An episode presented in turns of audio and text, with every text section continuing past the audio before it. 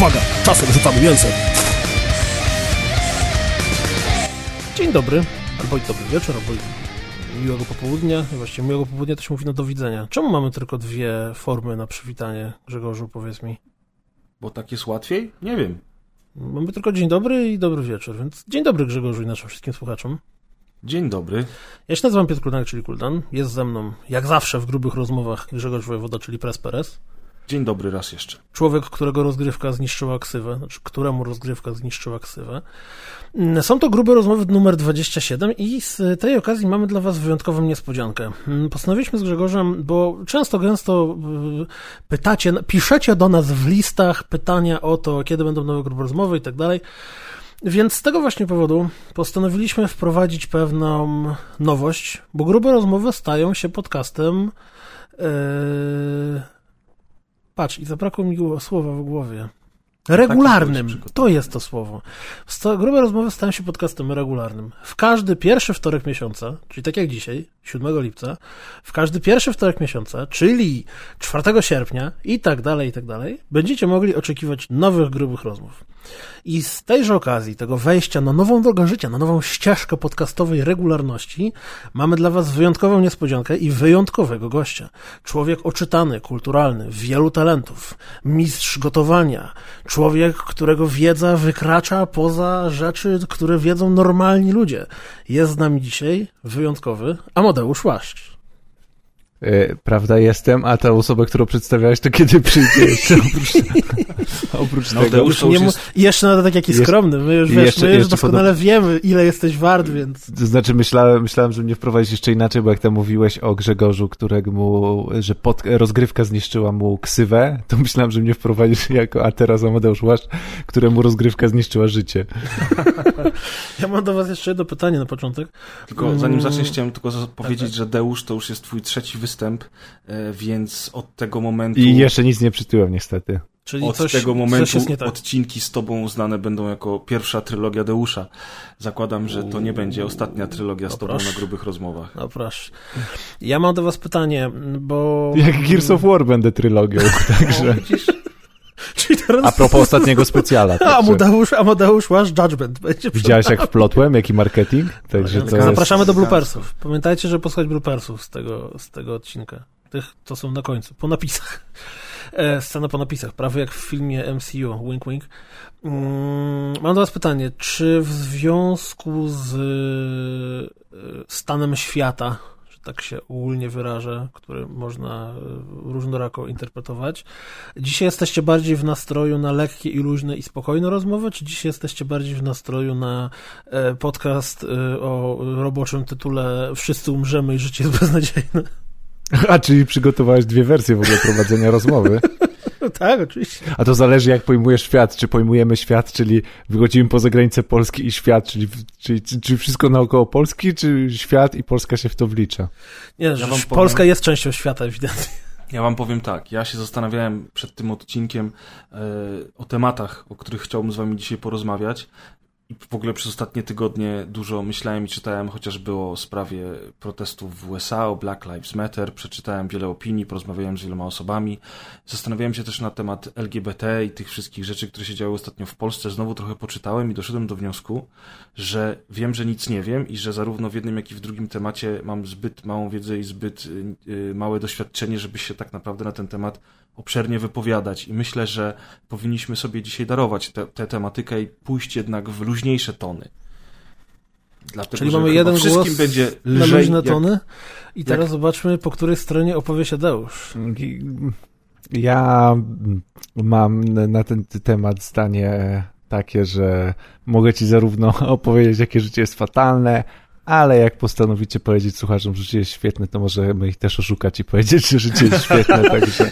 Ja myślę, że, że czasami trzeba naszych słuchaczy oszukać i powiedzieć, że życie jest świetne, bo, bo jednak każdy tego potrzebuje, a ostatnio to nic innego nie robiliśmy, tylko marudziliśmy. Zresztą cały świat nic innego nie robi, tylko marudzi. Zresztą słusznie, wcale się nie dziwimy, bo to, co się dzieje w tym roku, to, to jest jakaś masakra.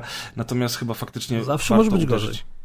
Dzięki, Kuldan, to było optymistyczne bardzo. Nie, no właśnie, ale zobacz, bo to jest optymistyczne podejście. Stwierdzenie, że zawsze może być gorzej, jest optymistyczne, bo to znaczy, że niezależnie jak źle jest, może być gorzej, czyli właściwie nie jest aż tak źle.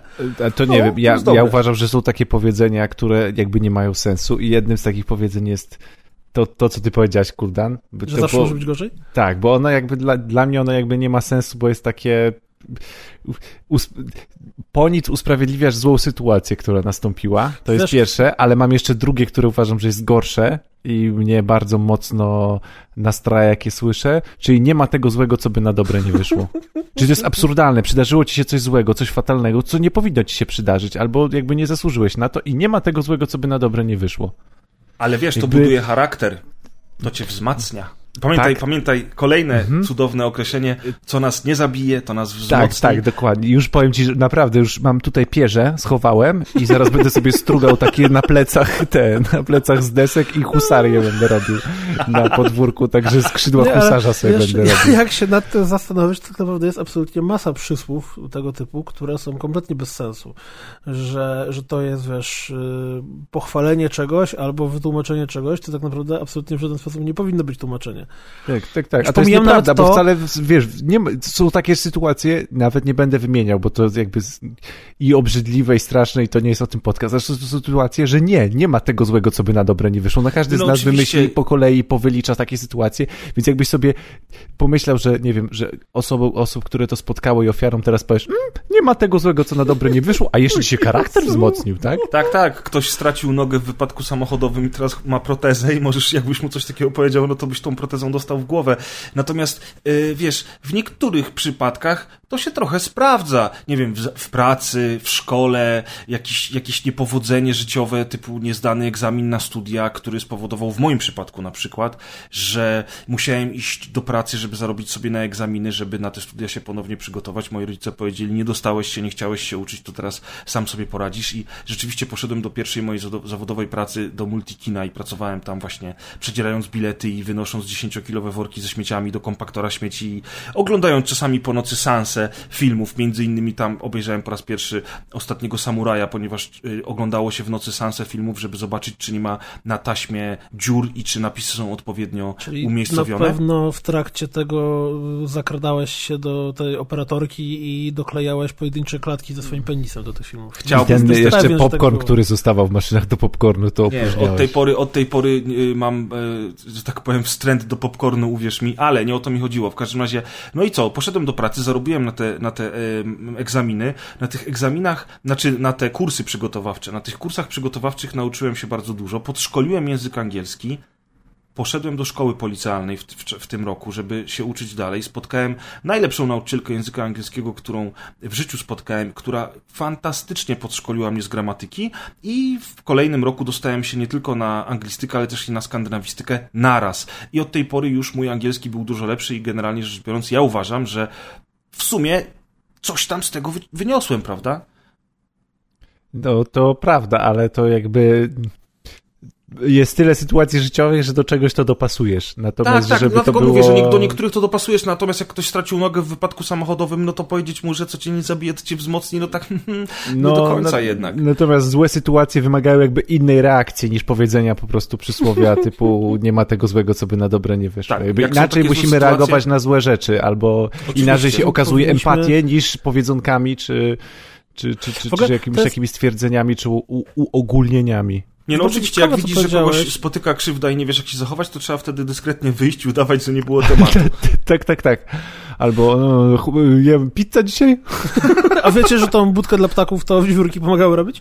E, w każdym razie to, co powiedziałeś, jest bardzo ciekawe, bo nie macie wrażenia, że nasza kultura, nie, w sensie kultura zbiorczo, to znaczy to, w jakim systemie, ja nie mówię, bo wiadomo, że każdy był inaczej wychowywany i każdy miał inny dom i tak dalej, ale patrząc na to, na zbiorczo, jako na coś, co można by określić jako system wychowawczy w Polsce, który istnieje. Ta, ten zbiór wartości i podstaw, które są jakoś tam w mniejszym czy większym stopniu od dziecka ludziom wkładane do głowy, to czy nie macie wrażenia, czy też właśnie system edukacyjny, to jakie lektury w szkole są obowiązkowe, jakie się omawia i cała ta reszta, że my nie uczymy się w żaden sposób yy, pogodzenia się ze stratą i z żałobą, i z, znaczy z żałobą nie tylko w znaczeniu utraty kogoś bliskiego, tylko z, e, można by powiedzieć, że to, co się działo w, w, pierwszym kwartale tego roku, było dla wielu ludzi niczym żałoba za tak. jakąś straconą częścią życia, czy straconymi przyzwyczajeniami, czy normalnością. A, a jakby uczysz się w ogóle okazywania jakiejkolwiek empatii albo reakcji w ogóle w trudnych sytuacjach? I... Co, jeżeli no rozciągniemy to na tą uczą. szkołę, to jest część lektur, które teoretycznie rzecz biorąc powinny mieć taką funkcję edukacyjną, że wskazywane jest tobie jakieś takie, wiesz, bazowe, moralne, moralny kompas, że tam jakieś zachowania są pokazywane jako pozytywne czy negatywne. W pustyni w puszczy, Kali ukraść krowę dobrze, Kalem ukraść krowę źle. Bardzo proste. To jest moralny drogowskaz Henryka Sienkiewicza. Nie no. Przepraszam, wiem, że nie. Ja, ja nie jestem w ogóle przeciwnikiem, tylko tak. Nie, natomiast się skojarzyło. Tego, mm, ale to uważam, że w ogóle nie ma, nie ma w, w, w no uważam, że bardzo słabo. To znaczy uważam, że kandydat na prezydenta y, płacze na filmiku i żeby nie wiem z jakiego to powodu zrobił i tak dalej, no to y, ogół reakcji uogólnieniowy to jest beka, bo płacze na przykład. ale nie, ale zobacz, jakby... że to jest właśnie, to jest właśnie ten, aha, bo to mówi, że ogólnie nie jesteśmy uczeni empatii, jako takiej. Tak, tak, w ogóle, albo reakcji nawet. To znaczy nawet jak uważasz, że na przykład powinieneś to pokazać w inny sposób, to raczej wydaje ci się, że powinieneś to zbyć śmiechem, albo wyjść z pokoju, albo się nie wypowiadać, albo wrzucić mema w to kontekście internetowym. Jak spojrzymy na szkołę, na pierwsze klasy, nie wiem, 1, 3 i tak dalej, to te, tam to też bardzo mocno wyraźnie widać, że yy, dzieci są wyjątkowo okrutne w tym, jak postrzegają jakiekolwiek wpadki, nie wpadki, cokolwiek i to rodzi potem późniejsze problemy tak naprawdę. I brakuje nauczyciela bardzo często, który, czy rodzica w domu, który by tłumaczył, że e, może nie wszystko jest takie proste i nie zawsze warto każdego wyśmiać albo, albo wykpić. No, dobrze zaczęliśmy ten optymistyczny To na wesoło miało być, tak? Pozwólcie mi, że zrobię teraz przejście, chyba że chcecie coś salto dodać. Salto pierdolniesz, tak? Pierdolne takie salto, y, dlatego że wspomniałeś o tym, jak u nas to w domach rodzinnych było i jak tam rodzice nas wychowują, bądź też nas nie wychowują. Jak powiedziałeś o tym domu rodzinnym, to sobie przypomniałem o muzyce, którą słyszałem w domu rodzinnym, a dzisiaj taki temat, o którym ja chciałem z wami porozmawiać, to będzie właśnie muzyka. U mnie w domu, jak byłem dzieckiem, takim naprawdę małym dzieckiem, dopiero co stawiającym pierwsze kroki i potem zyskującym większą świadomość artystyczną, mm, to leciał The Alan Parsons Project, Vangelis czy Queen, czasami jakiś Don Henley, i generalnie rzecz biorąc, taka muzyka, która została ze mną do dzisiaj, wszyscy znamy muzykę naszych rodziców. Niektórzy słuchają jej do dzisiaj, inni stronią od niej. Ja bardzo często wracam, bo się cieszę, że mój ojciec mnie wielu różnych gatunków muzycznych nauczył i pokazał mi wiele fantastycznych zespołów. Natomiast potem, jak człowiek dorasta i jest w podstawówce, to zaczynają się wpływy rówieśnicze, tak zwane, prawda? Czyli, czyli jakiś tam doktor Alban albo Mr. President gdzieś tam leciał z kasyciaka na korytarzu albo w MTV, które już wtedy mieliśmy i wtedy rzeczywiście jeszcze puszczano tam muzykę, wyobraźcie sobie. No ale oczywiście no, wszyscy to, tego słuchali, jakichś Backstreet Boysów, ale to były takie popierdółki, których tak naprawdę już nawet wtedy żeśmy się trochę wstydzili i mówiliśmy, co ja? Ja nie słucham. Tylko Viva Faj. A w domu tam się puszczało potem ja, ja je, Coco Jumbo, ja, ja je. Ale ja od dziecka, znaczy miałem taki okres, że słuchałem y, trochę glam rocka, przede wszystkim Def Leppard, dużo kisów, ale przede wszystkim Def Leppard, to znacie moją miłość do Def Leppard do dzisiaj. Mm, słuchałem potem odrobinę punk rocka i to był głównie Green Day, płyta Duki i ta kolejna chyba Insomniac. Leciały u mnie na Walkmanie na okrętkę, ale bardzo szybko wjechał w moim życiu hip-hop.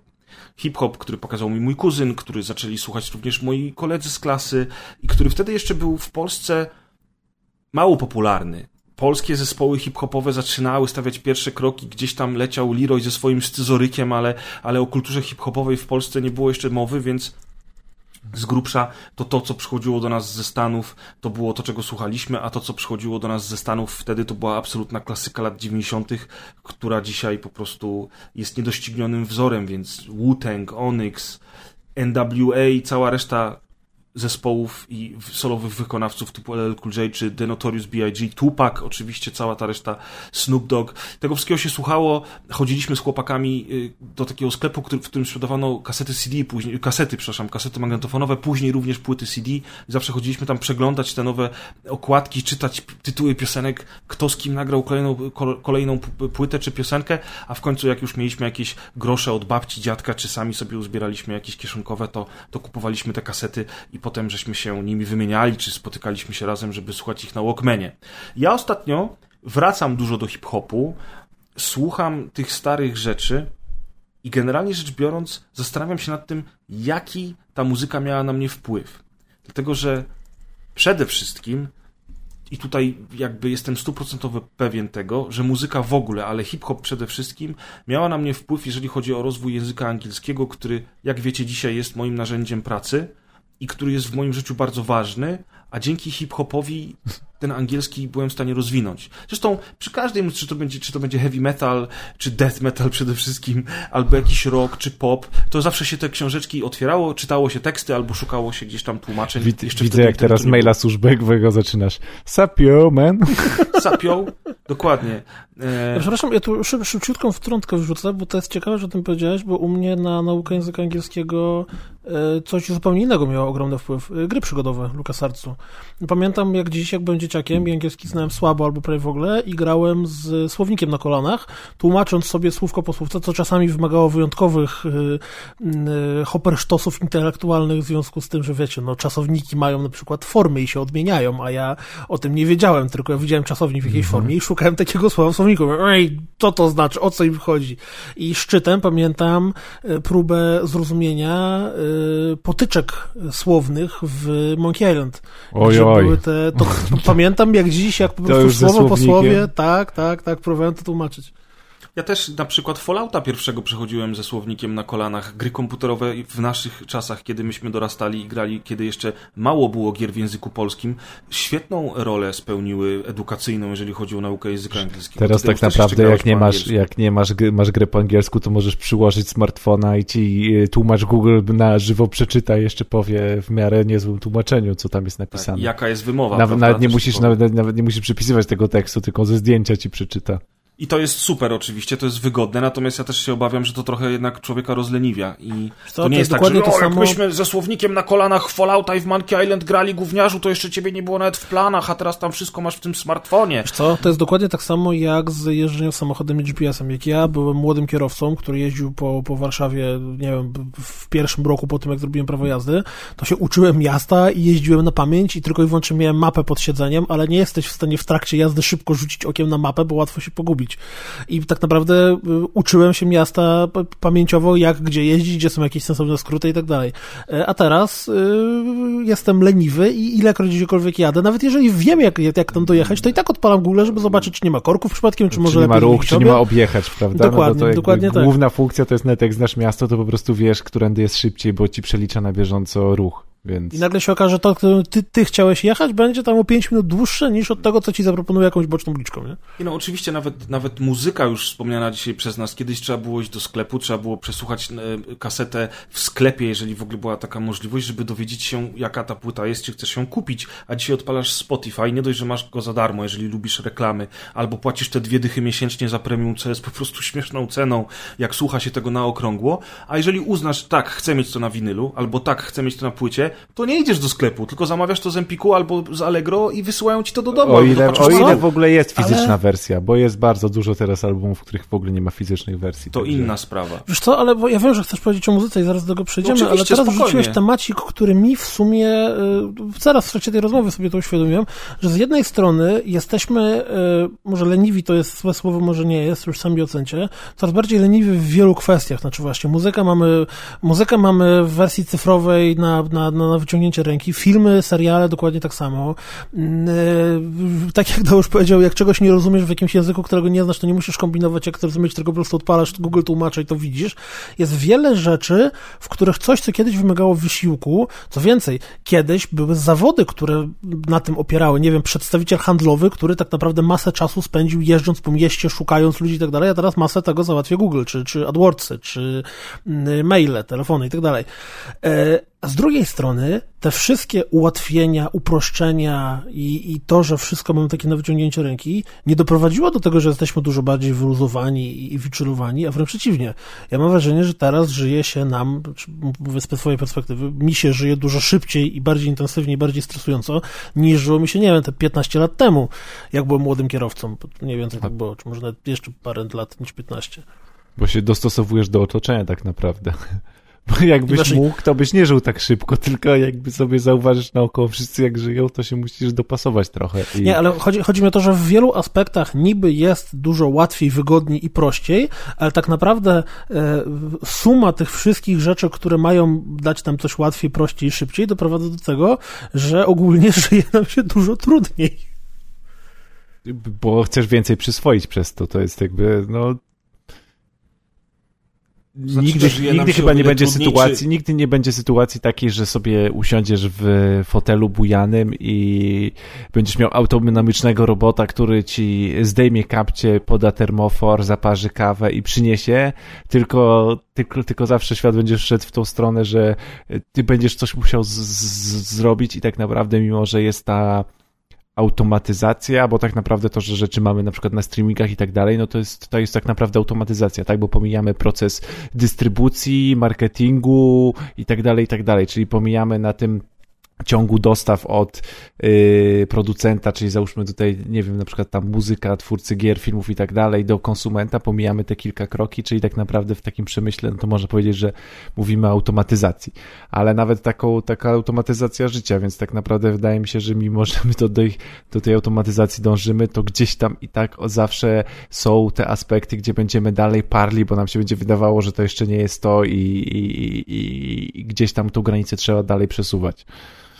Ale zobaczcie, że, że granica automatyzacji to jedno, ale nawet w naszych takich nawykach, czy w naszym y, podejściu do konsumowania treści się przy to absolutnie zmieniło, znaczy... przez to, że to jest tak prostsze. Kiedyś, kiedyś oglądałeś jeden serial przez, kurde, pół roku, bo co tydzień był jeden odcinek, a teraz w weekend binge'ujesz trzy seriale. No zaraz, zaraz nawet powiemy o, zaraz nawet będziemy mówili o muzyce, no to ja jestem młodszy od was, ale ja pamiętam jak nie wiem, i, i, iść, czy, czy się kupowało płyty, czy się słuchało tych płyt, to ja może nawet jak to jednej płyty słuchałem 20, 30, 40, 50 no, razy. Do zarżnięcia CD tak naprawdę, wcześniej do zarżnięcia kasety. I, I, to było kilka płyt w roku. Teraz tych płyt w roku to są setki, które, których przesłuchuję, nie mówiąc o utworach, tylko w ogóle o samych płytach, gdzie wiesz, raz mogę przesłuchać i iść dalej tak naprawdę i, i z całego świata mam te płyty, więc to są, to są naprawdę setki płyt, które można sprawdzić w, w ciągu roku. E, więc to są w ogóle ilości nieporównywalne z, z, z poprzednimi tak naprawdę latami. Ale tak, czasowo zobacz, jakby tylko... poświęcam tyle samo czasu, tak? Muzyce, zobacz, że nie tylko, tylko tworzy się coraz więcej treści, ale również yy, się tych coraz więcej treści się konsumuje. I, i, I żyjemy w takim, znaczy, może sami siebie wpędzamy w takie poczucie e, tego FOMO, że, że, że ciągle masz wrażenie, że coś cię omija, że jest więcej filmów, seriali, gier wartych zagrania, wartych zobaczenia, wartych obejrzenia, muzyki wartej do przesłuchania, książek wartych przeczytania i ty nie masz na to wszystko czasu, no mimo że spać? niby te jak wszystkie spać, rzeczy są dostępne. Dokładnie, mimo że te wszystkie rzeczy są dostępne na e, wyciągnięcie twojej ręki, nie? Tylko jeszcze a, a propos tej całej technologii, tego wszystkiego, tej, tej łatwości dostępu, tego właśnie, że na przykład y, ktoś, kto jest odpowiedzialny za kontakty y, biznesowe, teraz nie musi jeździć po mieście i spotkać się na kawę, przespacerować się, y, nie wiem, porozmawiać z jednym klientem, drugim, czy z jednym, czy drugim współpracownikiem. Przychodzić z to Fifi zapakowany tak, albo tylko z czekoladą. załatwia to wszystko e-mailami i przez komórkę i siedzi w tym biurze i generalnie rzecz biorąc, ja nie wiem, czy fajniej nie było kiedyś, jak trzeba było po tym mieście jednak zasuwać, przejechać się, pobyć trochę na świeżym powietrzu, wypić kawę w kawiarni, zjeść jakiś obiad na mieście, wiesz, a teraz siedzisz w tym biurze i wysyłasz maile i jesteś na kamerce, gdzie wszyscy patrzą na siebie na Skype'ie, a wszyscy siedzą w koszulach, ale pod biurkiem mają same gacie. I wiesz, wydaje mi się, że y, łatwiej nam się żyje dzisiaj, ale jest większa presja. Wiesz co, jak ja zaczynałem swoją karierę zawodową, to wtedy... Yy nie było internetu. Nie, nie. Y, internet był, ale nie był w takiej formie, jak jest dziś. I ja pamiętam doskonale te opasłe wizytowniki, w której miałeś zestaw kontaktów do ludzi z różnych branż, których potrzebowałeś i nie było tak, że jak potrzebujesz czegokolwiek, to po prostu otwierasz Google, wpisujesz i zaraz masz 14 producentów tego z Polski i ze świata i przez cztery kliknięcia dalej właściwie od razu zamawiasz sobie to z AliExpressu, kurde, z, z drugiego końca świata. I, i masz, masz faktura generuje przez Dokładnie. System. Kiedyś, wiesz, kiedyś, jeżeli chciałeś kupić coś nietypowego, to właściwie mówię, byli ludzie, których praca polegała, zarabiali na tym, że byli pośrednikami między różnymi nieznającymi się tymi branżami. A teraz pośrednik jako taki jest bardzo rzadko spotykany. W rolnictwie głównie teraz.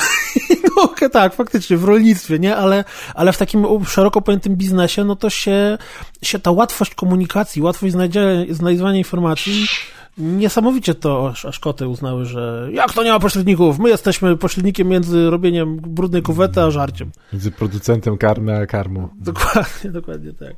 No ciekawe, ciekawe, gdzie to zmierza wszystko.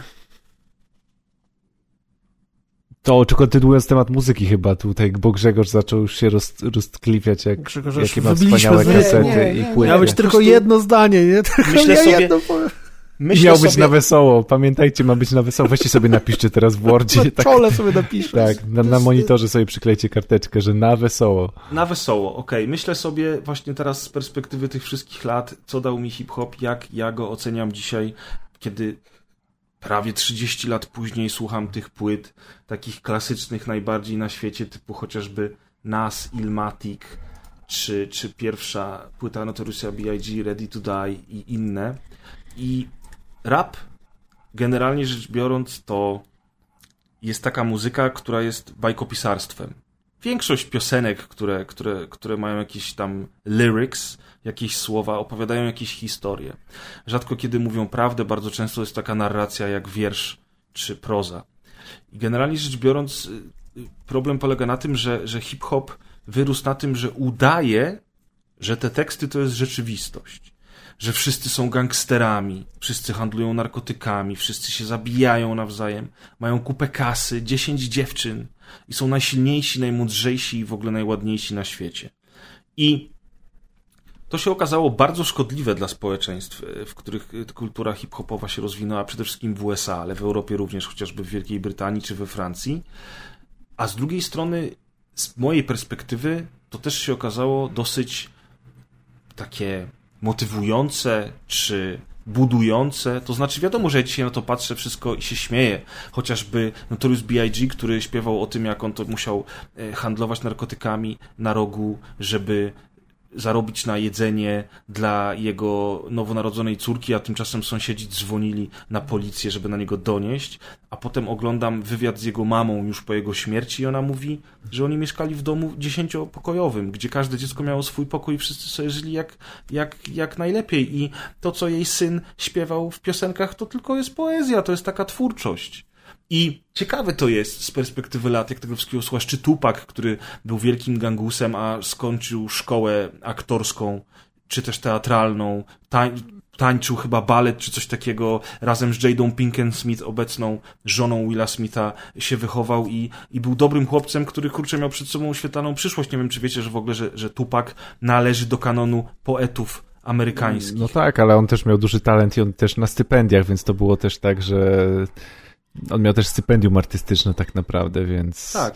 Więc jego ten tomik poezji e, e, po polsku Róża, która urosła na betonie, tak? Rose That Grew on tak. the Concrete, to, są, to jest ten jego najbardziej znany, który właśnie jest chyba w kanonie w, e, e, po, poezji, no to wyrósł. Aczkolwiek, no, ale swoje ganguskie rzeczy też robił, bo to nie było też tak, że on śpiewał i, i, ty, i tych ganguskich rzeczy nie było, bo to też było. I tak naprawdę to dalej jest, więc to nie jest tak. On popłynął na fali tego, tego wizerunku, który sam sobie stworzył, czy też stworzyli jego producenci. I ta cała wojna, która zakończyła jego życie, ten East Coast, West Coast i ten cały dym, który, który się tam zrobił. Przecież Tupac się do Los Angeles przeprowadził, nie wiem, dwa, trzy lata przed śmiercią, kiedy Suge Knight go do Death Row zatrudnił. Tupac w ogóle stamtąd nie był. Nagle był wielki West Coast i w ogóle i w szczególe. To jest oczywiście skomplikowana sytuacja. Do, do dzisiaj nie rozwikłano zagadki śmierci Tupaka i Notoriousa B.I.G. Wiele osób twierdzi, że stoją za to, że stoją za tym nie tylko Suge Knight, czyli producent Tupaka, ale też Puff Daddy, czyli producent Notoriousa. Mm -hmm. Że to wszystko było zrobione po to, żeby żeby sprzedać płyty. I na przykład szokujące jest to, że po śmierci Tupaka, kiedy wszyscy już wtedy mówili, że jego producent prawdopodobnie jest bardzo mocno uwikłany w jego śmierć, albo przynajmniej wpłynął w jakiś sposób na to, że te wydarzenia potoczyły się tak, a nie inaczej. Y, matka Tupaka weszła w spółkę z tym producentem i zaczęli wydawać płyty z, nie, z niewydanymi mm -hmm. do tej pory piosenkami, zarabiając na tym we dwójkę kupę kasy. Co nie? Tak, i to jeszcze w ogóle tam bezczeszcząc tak masteringi na tych niektórych kawałkach, że to jest po prostu... No to już inna sprawa. Z, tak, tak, tak, zmieniając bity. No ale to już jest jakby, tak, sfera artystyczna to jest zupełnie co innego. Ale ja, ja mam do was pytanie, bo akurat rap czy hip-hop to jest muzyka, do której jest mi bardzo daleko. Znaczy, nie będę ukrywał tego, że, że w czasach y, szkolnych słuchałem trochę takiej muzyki, ale nie byłem nigdy jakoś na maksa w to wkręcony. Bone Thugs and Harmony, Crossroads kochasz. Tak, dokładnie. To była wspaniała płyta, którą doskonale pamiętam, ale też słuchałem, wiesz, słuchałem jakichś takich...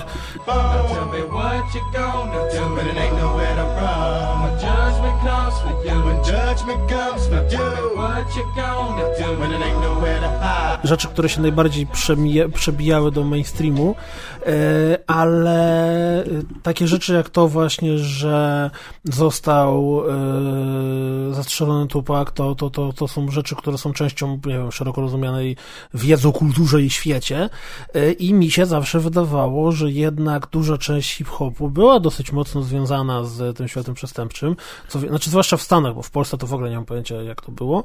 Mm, I chyba dalej są jakieś takie ciągoty, żeby ci ludzie ten swój street cred jakoś y, urzeczywistniali. Przecież chyba teraz y, tutaj był, działa się w przeciągu roku czy tam dwóch lat jakaś drama z gościem, który się nazywał y, Tekashi 69 i on chyba to jest raper, znaczy okej, okay, nie wiem, nie znam się na gatunkach muzycznych, nie, nie, nie wiem, czy to jest mumble rap, czy tam cokolwiek oni robią, czy bełkoczą pod nosem, czy cokolwiek, ale jest trochę jakiś człowiek, który chyba robi jakąś tam karierę i właśnie on trafił do pierdla, tam zaczął wszystkich wsypywać. Są jakieś takie dramy dalej w tym świecie, nie? Oczywiście, że są, wiesz, dużo wytwórni wyrosło w ogóle z półświadka i te powiązania y, gangsterskie zawsze były, natomiast dzisiaj one są już trochę bardziej, jeszcze bardziej na pokaz niż kiedyś, bo wiesz, dzisiaj się mówi, że a, Snoop Dogg to nagrywa materiały, czy tam do, filmy telewizyjne o gotowaniu z jakąś panią tam, która jest znana w Stanach, bo jest znaną kucharką, taką babcią, nie? I wszyscy mówią, haha, Snoop Dogg to taka pipeczka, nie? A potem ktoś mówi, aha, a już nikt nie pamięta, jak w latach 90. Snoop Dogg miał rozprawę za morderstwo, wiesz? Oni wszyscy tak. wyszli z czegoś tam, ale nie wszyscy... Snoop Dogg miał też chyba w ogóle y, całą, yy, nie wiem, czy produkt, wytwórnię, czy co, ale też chyba pornosy kręcił Snoop Dogg. Nie, on produkował przez moment pornosy, Aha. sam ich nie kręcił, ale coś tak było. Pamiętasz, Deusz, to? Czy, tak, czy no ale to tylko, no, tak, tak, tak, ale pro, pro, producentem, w sensie, no, czy tam udziałowcem w produkcji, jakoś tak. Ale w każdym razie, no to jakby ten ga ga gangster rap, czyli gangsterski rap, jakby cały czas istnieje. No parę dni temu, jeden z głośniejszych albumów, to jest parę dni temu wyszedł album e, e, rapera z Los Angeles, e, Drakeo the Ruler się nazywa. To jest album, e, który nagrał, e, album się nazywa Thank You for Using GTL, a GTL, y, ponieważ ten raper siedzi za usiłowanie próby zabójstwa i chyba za udział w strzelaninie, jakoś tak, w tym momencie czeka na rozprawę i nagrał album w całości e, przez telefon, który jest w więzieniu.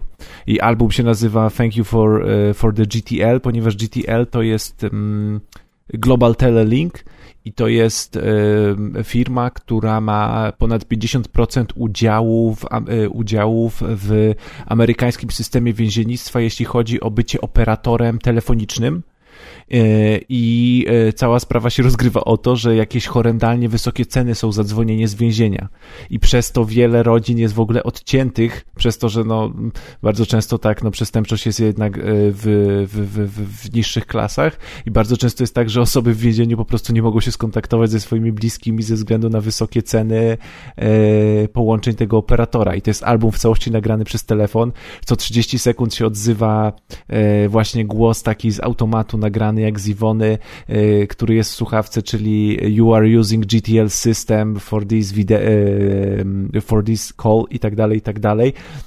Y, I to są bardzo mocne rzeczy, które w, i w Los Angeles, i w ogóle w całych Stanach się teraz ten mocno e, rozbił album, ponieważ jest, jest, jest dość głośny, dlatego te, te rzeczy się dalej rozgrywają. To nie jest tak, że to gdzieś. To, oczywiście to był, to był zawsze to głos, głos ludu, tak? Tego, co Deusz powiedział, to jest ciekawy temat. Tutaj nie będziemy o tym dyskutować, bo nie zrobiliśmy sobie odpowiedniej podstawy e, wiedzowej, ale rzucam to dla naszych słuchaczy i dla Was też, jeżeli, jeżeli Was to zainteresuje, jako temat do pogooglania sobie, poczytania i, i zapoznania się z tematem, że w ogóle cały system więziennictwa, który jest w Stanach Zjednoczonych, jest ze względów, mm, bo tam był taki myk, który polegał na tym, że w momencie, w którym zostało zniesione niewolnictwo, to chyba, bo tu pewnie powiedzieć, 13 poprawka, tak, dotyczyła niewolnictwa? Chyba tak.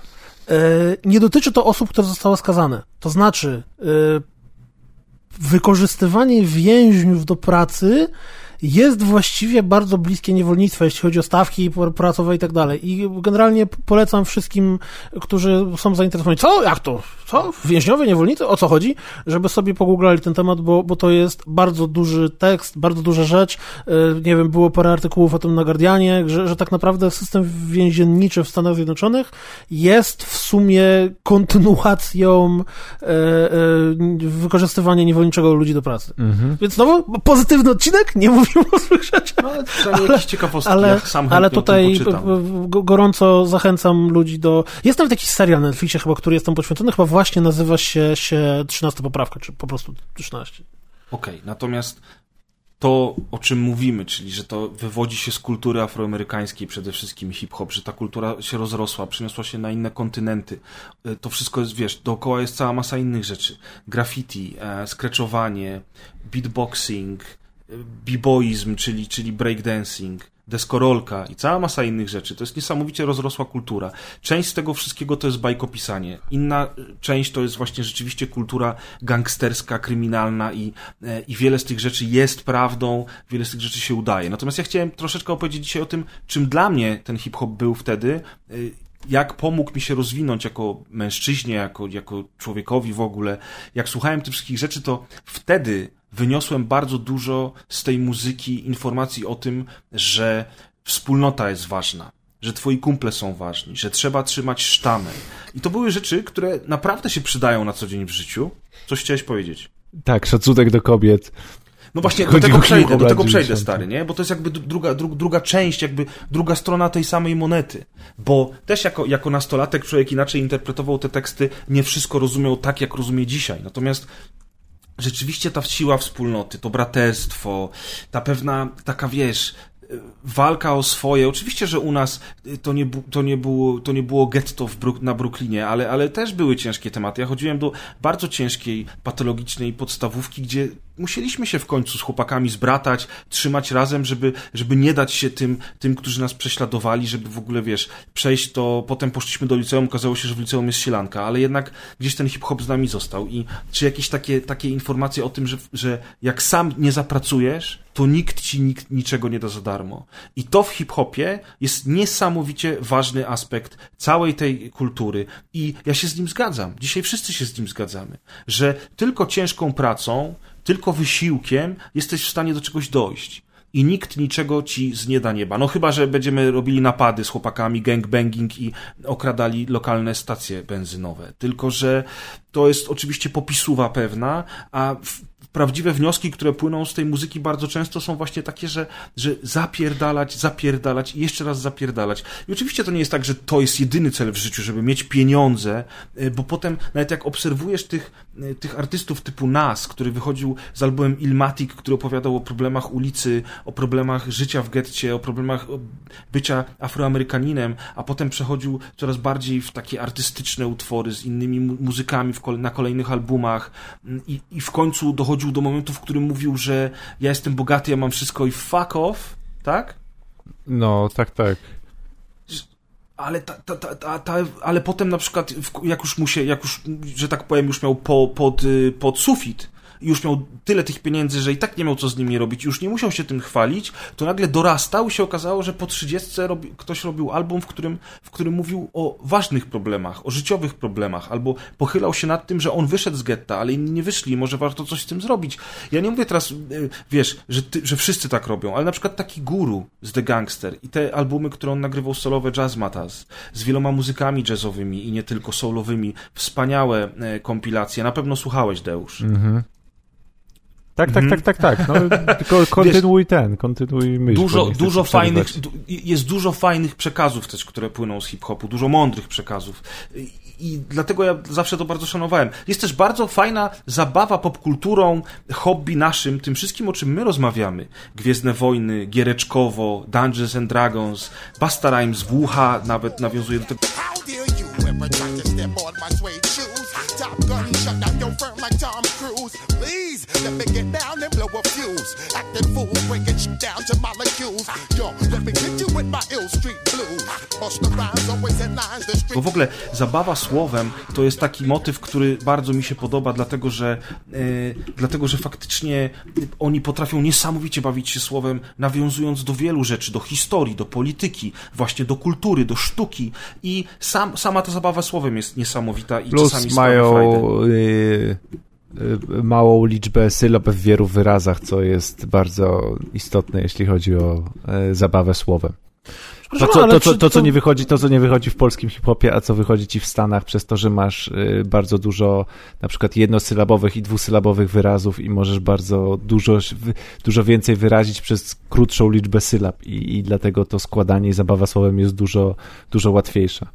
Momencik, ale czy nie jest trochę tak, że y, to, o czym wy mówicie, y, czyli o tej zabawie słowem, o y, ciekawym przekazie, o, o trochę, nazwijmy to, poezji w, w zwrotkach, ogólnie nie dotyczy muzyki, która nie jest popem? Ogólnie to, to czy dokładnie tego samego nie mógłbyś powiedzieć o tym Green Dayu w wielu piosenkach, czy dokładnie tego samego nie mógłbyś powiedzieć o, nie wiem, polskich balladach y, pisanych y, i śpiewanych później przez... Krzysztof Krawczyk. Przez, no, akurat Krzysztof Krawczyk jest bardziej popem dla mnie, ale masz, y, nie wiem, no, Kaczmarskie, tfu, y, Kaczmarskiego, dobrze powiedziałem. Dobrze mhm. powiedziałeś. Dobrze powiedziałem. No, no, oczywiście ja wiem, że to w ogóle jest, jest poeta z gitarą y, okresu bardzo ciężkiego, y, reformacji i tak dalej, ale to, no ogólnie, czy po prostu muzyka nie ma trochę, nie muzyka, piosenki muzyka, która nie jest muzyką tą najpopularniejszą, która nie jest disco, nie jest dance, nie, nie, nie jest tym takim klasycznym, najbardziej łupanym popem, bo raczej w popie rzadko kiedy możemy trafić na e, twórcze, twórcze teksty, a, a i w rocku, i w punku, i w właśnie tak, hip-hopie. Ja nie, ja nie będę tutaj bronił, bo ja się z tobą zgadzam, tylko są dwie rzeczy, które delikatnie to, to, to przechylają na stronę hip-hopu. Czyli pierwsza rzecz to jest to, że dużo więcej ci się mieści w jednym utworze tekstu, poprzez sposób jego wykonywania, ponieważ no, szesnastki hip-hopowe są dużo dłuższe niż standardowy tekst normalnej takiej piosenki, to jest raz. I dwa, e, normalne utwory istnieją e, przez, mogą istnieć dzięki muzyce, i wiele rzeczy istnieje dzięki muzyce, typu, nie wiem, Stairway to Heaven. E, większość osób nie ma pojęcia, co, o czym jest Stairway to Heaven, ale jak są dwa, trzy pierwsze akordy, to każdy wie, że to jest Stairway to Heaven, tak? Albo, albo nie wiem, jakiś tam Highway to Hell i tak dalej, czyli, czyli, czyli ta muzyka może istnieć bez, bez tekstu. No w hip-hopie to nie ale wiem, czy naprawdę tak jest, że ludzie, którzy, ale, ale jest faktycznie tak, że, bo, bo ja wiem o co ci chodzi, chodzi o to, że bardzo często ludzie słuchają muzyki kompletnie bezmyślnie, to znaczy ktoś sobie słucha e, tego kawałka e, o, o, o tych butach, Jezus Maria, e, Kick Out Kicks, tak, tak, tak. Y, tak. Jak to się nazywa? Foster the People, Pump Foster the People. Tak, dokładnie mm, tak. Ktoś słyszy tej piosenki i sobie tupie nóżką, myśląc, jaki fajny kawałek, gdzie tak naprawdę to jest o, o masakrach w szkole, no, e, pro, no, nie mówiąc o tym, co jest moim, przepraszam, to jest moim ulubionym e, przykładem, gdzie w radio, e, w lato, audycja o 12 i są wszystkie z każdej piosenki, każda piosenka ewentualnie, jeśli sobie przekroczyć fotografię w clean version, i ze parę lat temu leciał ten hit e, Blow My Whistle czyli piosenka mm. o robieniu loda, gdzie jest po prostu wszystko i refren i wszystko, i refren i zwrotki o tym, jak, yy, jaka jest technika robienia loda. No i to w ogóle leci przez to, że tam nie ma żadnego faka ani asa wy, bezpośrednio wyrażonego, to to normalnie leci Ale elegancko, to nie, to nie jest właśnie piosenka, która trochę podchodzi pod jakieś takie bardziej e, rapowe, hip-hopowe klimaty? No, no, no, no delik- to jest czysty pop właśnie. Znaczy delikatnie tak, ale jakby to, to jest bardziej w dyskusji o tym, że, że, że leci w radiu, bo jest fajna muzyczka letnia, dnia. Znaczy nie, no właśnie, bo to jest tak, że ludzie, bo, bo, bo chyba po prostu ludzie generalnie każdą muzykę odbierają bezmyślnie bardzo często. Znaczy inaczej, okej, okay, jeżeli masz polski hip-hop albo polski rock e, i mówimy o słuchaniu tej muzyki w Polsce, to nie da się nie zauważyć treści. No tak to działa, ale w momencie, w którym słyszysz angielski tekst, mimo że doskonale rozumiesz te słowa, doskonale, jeżeli byś je zobaczył na kartce, to doskonale wiesz, o czym one mówią, to bardzo często angielskie słowa puszczasz po prostu jako dźwięk tła. Jak leci, zwłaszcza jedziesz samochodem, leci w radiu, to nie analizujesz tego tekstu, tylko no, coś wiesz, tam sobie gra. Puścisz sobie francuską muzykę, ja po francusku umiem trzy słowa i też mi się po podoba, bo jest no. bardzo dźwięczna. Dlatego, no, dlatego o to mi chodzi, że jakby muzyka w wielu gatunkach muzycznych, w większości gatunków muzycznych może istnieć tylko i wyłącznie z muzyki. Czy puszczę ci i wiesz, co to jest, i możesz usiąść i tego słuchać bez słów, nawet, nawet, nawet w wersjach instrumentalnych samych, zwykłych. Jak ci wezmę większość utworów hip-hopowych, no to raczej po pierwszych dwóch minutach danego podkładu już się znudzisz. I, Aha, i dalej jakby nie będziesz że, słuchać. Tak, tak no nie będziesz słuchał wersji instrumentalnej jest, za, za, y, zapędlonego bitu, bo on nie istnieje rozumiem, jakby bez rozumiem, tekstu. że po prostu, jakby... że beat, y, beat jest, y, beat sam w sobie nie jest atrakcyjny. Tak, nie, tak. Nie, są, nie... są niektóre takie, których można słuchać po prostu. No, no, no tak, no są, rapu, ale jakby bez rapu, duży, ale w dużej większości to jest jakby raczej nie weźmiesz sobie wersji instrumentalnej i sobie nie odpalisz tak. od pierwszego do ostatniego kawałka. Oczywiście. A w wielu no gatunkach tak muzycznych jak... jest tak, że weźmiesz sobie wersję instrumentalną i bardzo ciekawie sobie to posłuchasz, bo... Tak, no bo bardzo często ta, ta sama muzyka instrumentalna jest o wiele ważniejsza od tekstu czy od piosenki w, wielu, wielu Dlatego mówię, chodzi o to, że na co jest nacisk położony. Dla... Tak, tak, wiesz, ale właściwie jak, jak się na tym zastanowić, to jeżeli weźmiemy rap czy hip-hop, ja, ja nie wiem, czy tutaj robimy to rozróżnienie, czy nie, czy, czy nie, nie będziemy jak... robić tego rozróżnienia, okay. bo to jest dosyć skomplikowane, natomiast no, rap jako taki to jest, to jest sztuka rapowania, czyli to właśnie mówienie do mikrofonu zwrotek, rymowania i, i, i, pierwszy, pierwszy, teraz tak naprawdę to ja już nie wiem, bo też nie przygotowałem się tak dokładnie, bo to też jest dyskusja, co było pierwsze, jajko czy kura, prawda, Deusz, co było najpierw hip-hop czy rap. Hip-hop ogólnie to jest cała kultura, a rap no i to jest... zrodził sposób... się jako jeden z, z tych z, jako jeden z elementów, tak? Tak. No to co chciałem powiedzieć, że jeżeli weźmiemy sobie, sobie osoby y, śpiewające czy, czy rapujące, które stały się popularne, mhm. nie wiem, Eminema na przykład. O Boże. To no Eminem, Boże. ja wiem, że, że można oczywiście się oburzać na temat tego, jakie on wartości raperskie reprezentuje, czy to jest dobra muzyka, czy nie, ale stał się on absolutnie popem. Znaczy stał się, bo dla mnie pop to jest to muzyka popularna, tak? No stąd się, stąd tak. jest ta nazwa. To nie znaczy, że to jest disco, tylko to jest po prostu muzyka popularna. Tak, tak, oczywiście. No i Eminem, który śpiewa, nie wiem, kurczę, o, o, o, o gwałtach, czy, czy o, o samobójstwie nastolatki, bo była w ciąży, czy, czy o zabiciu żony w ciąży i tak dalej, na luzie w radyjku w południe leci. Tak, na przełomie wieków. Nie nie? Czy na przykład Nicki, Nicki Minaj, która chyba też absolutnie wpisuje się w bycie raperką.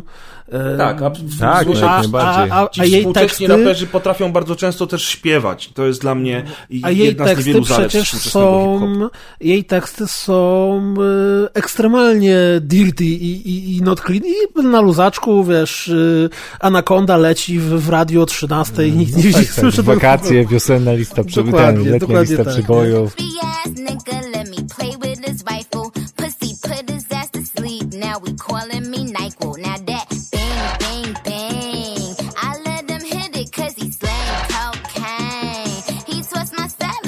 now.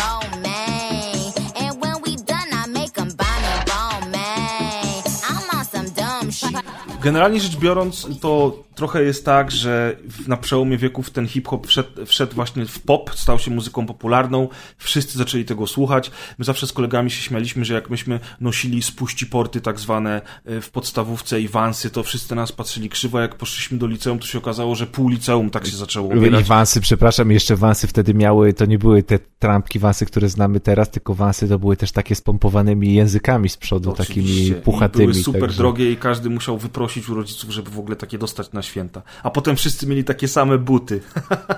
no, e, ta, taka, ta, taka to natura e, tych wszystkich młodzieżowych, e, że tak powiem, jak to mówić, trendów, tak? Nazwijmy to trendami. Natomiast ja chciałem jeszcze o hip-hopie, bo zaczęliśmy mówić tutaj, porównywać w ogóle do muzyki, jakiejś do kaczmarka i tak dalej.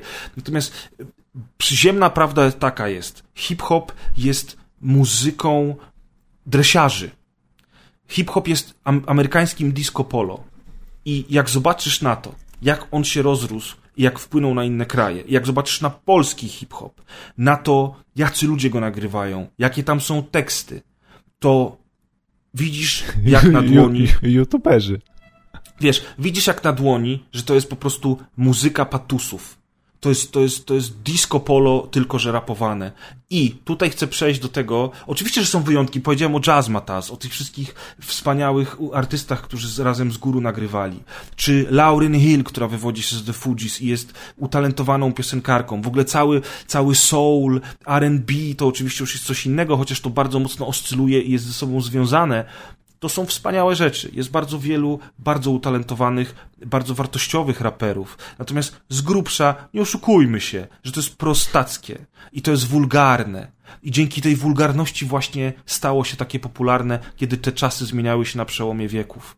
I teraz ja chciałem powiedzieć tą drugą stronę monety, o której wspomniał już Deusz. Dzisiaj, jako dorosły facet, który jest nieco bardziej wrażliwy na problemy społeczne, nieco bardziej wrażliwy na pewne aspekty Y, naszego społeczeństwa, czy społeczeństwa na świecie w ogóle, wy, wyciągam z tego hip-hopu też masę okropieństw. To znaczy wspomniany przez Deusza już seksizm, który po prostu kipi z teledysków, z tekstu, z zachowania tych raperów. Powiedziałeś, Kuldan, sam, że Snoop Dogg kręcił pornosy, produkował te pornosy. Oczywiście, że tak, bo to była, to, to idealnie się wpasowywało w klimat tego, że on w swoich piosenkach śpiewa o tym, że razem z kumplami wszyscy dymają tę samą laskę na imprezie, a potem nie mają do niej szacunku, bo ona im dała dupy. Rozumiesz? A ja mam pytanie bo, bo ja nie słucham takiej muzyki i jej nie znam, natomiast y, ponieważ ja lubię wiedzę, to często gęsto oglądam różnych ludzi, którzy domyślam się, że wiedzą o czym mówią i wyrażają swoje opinie.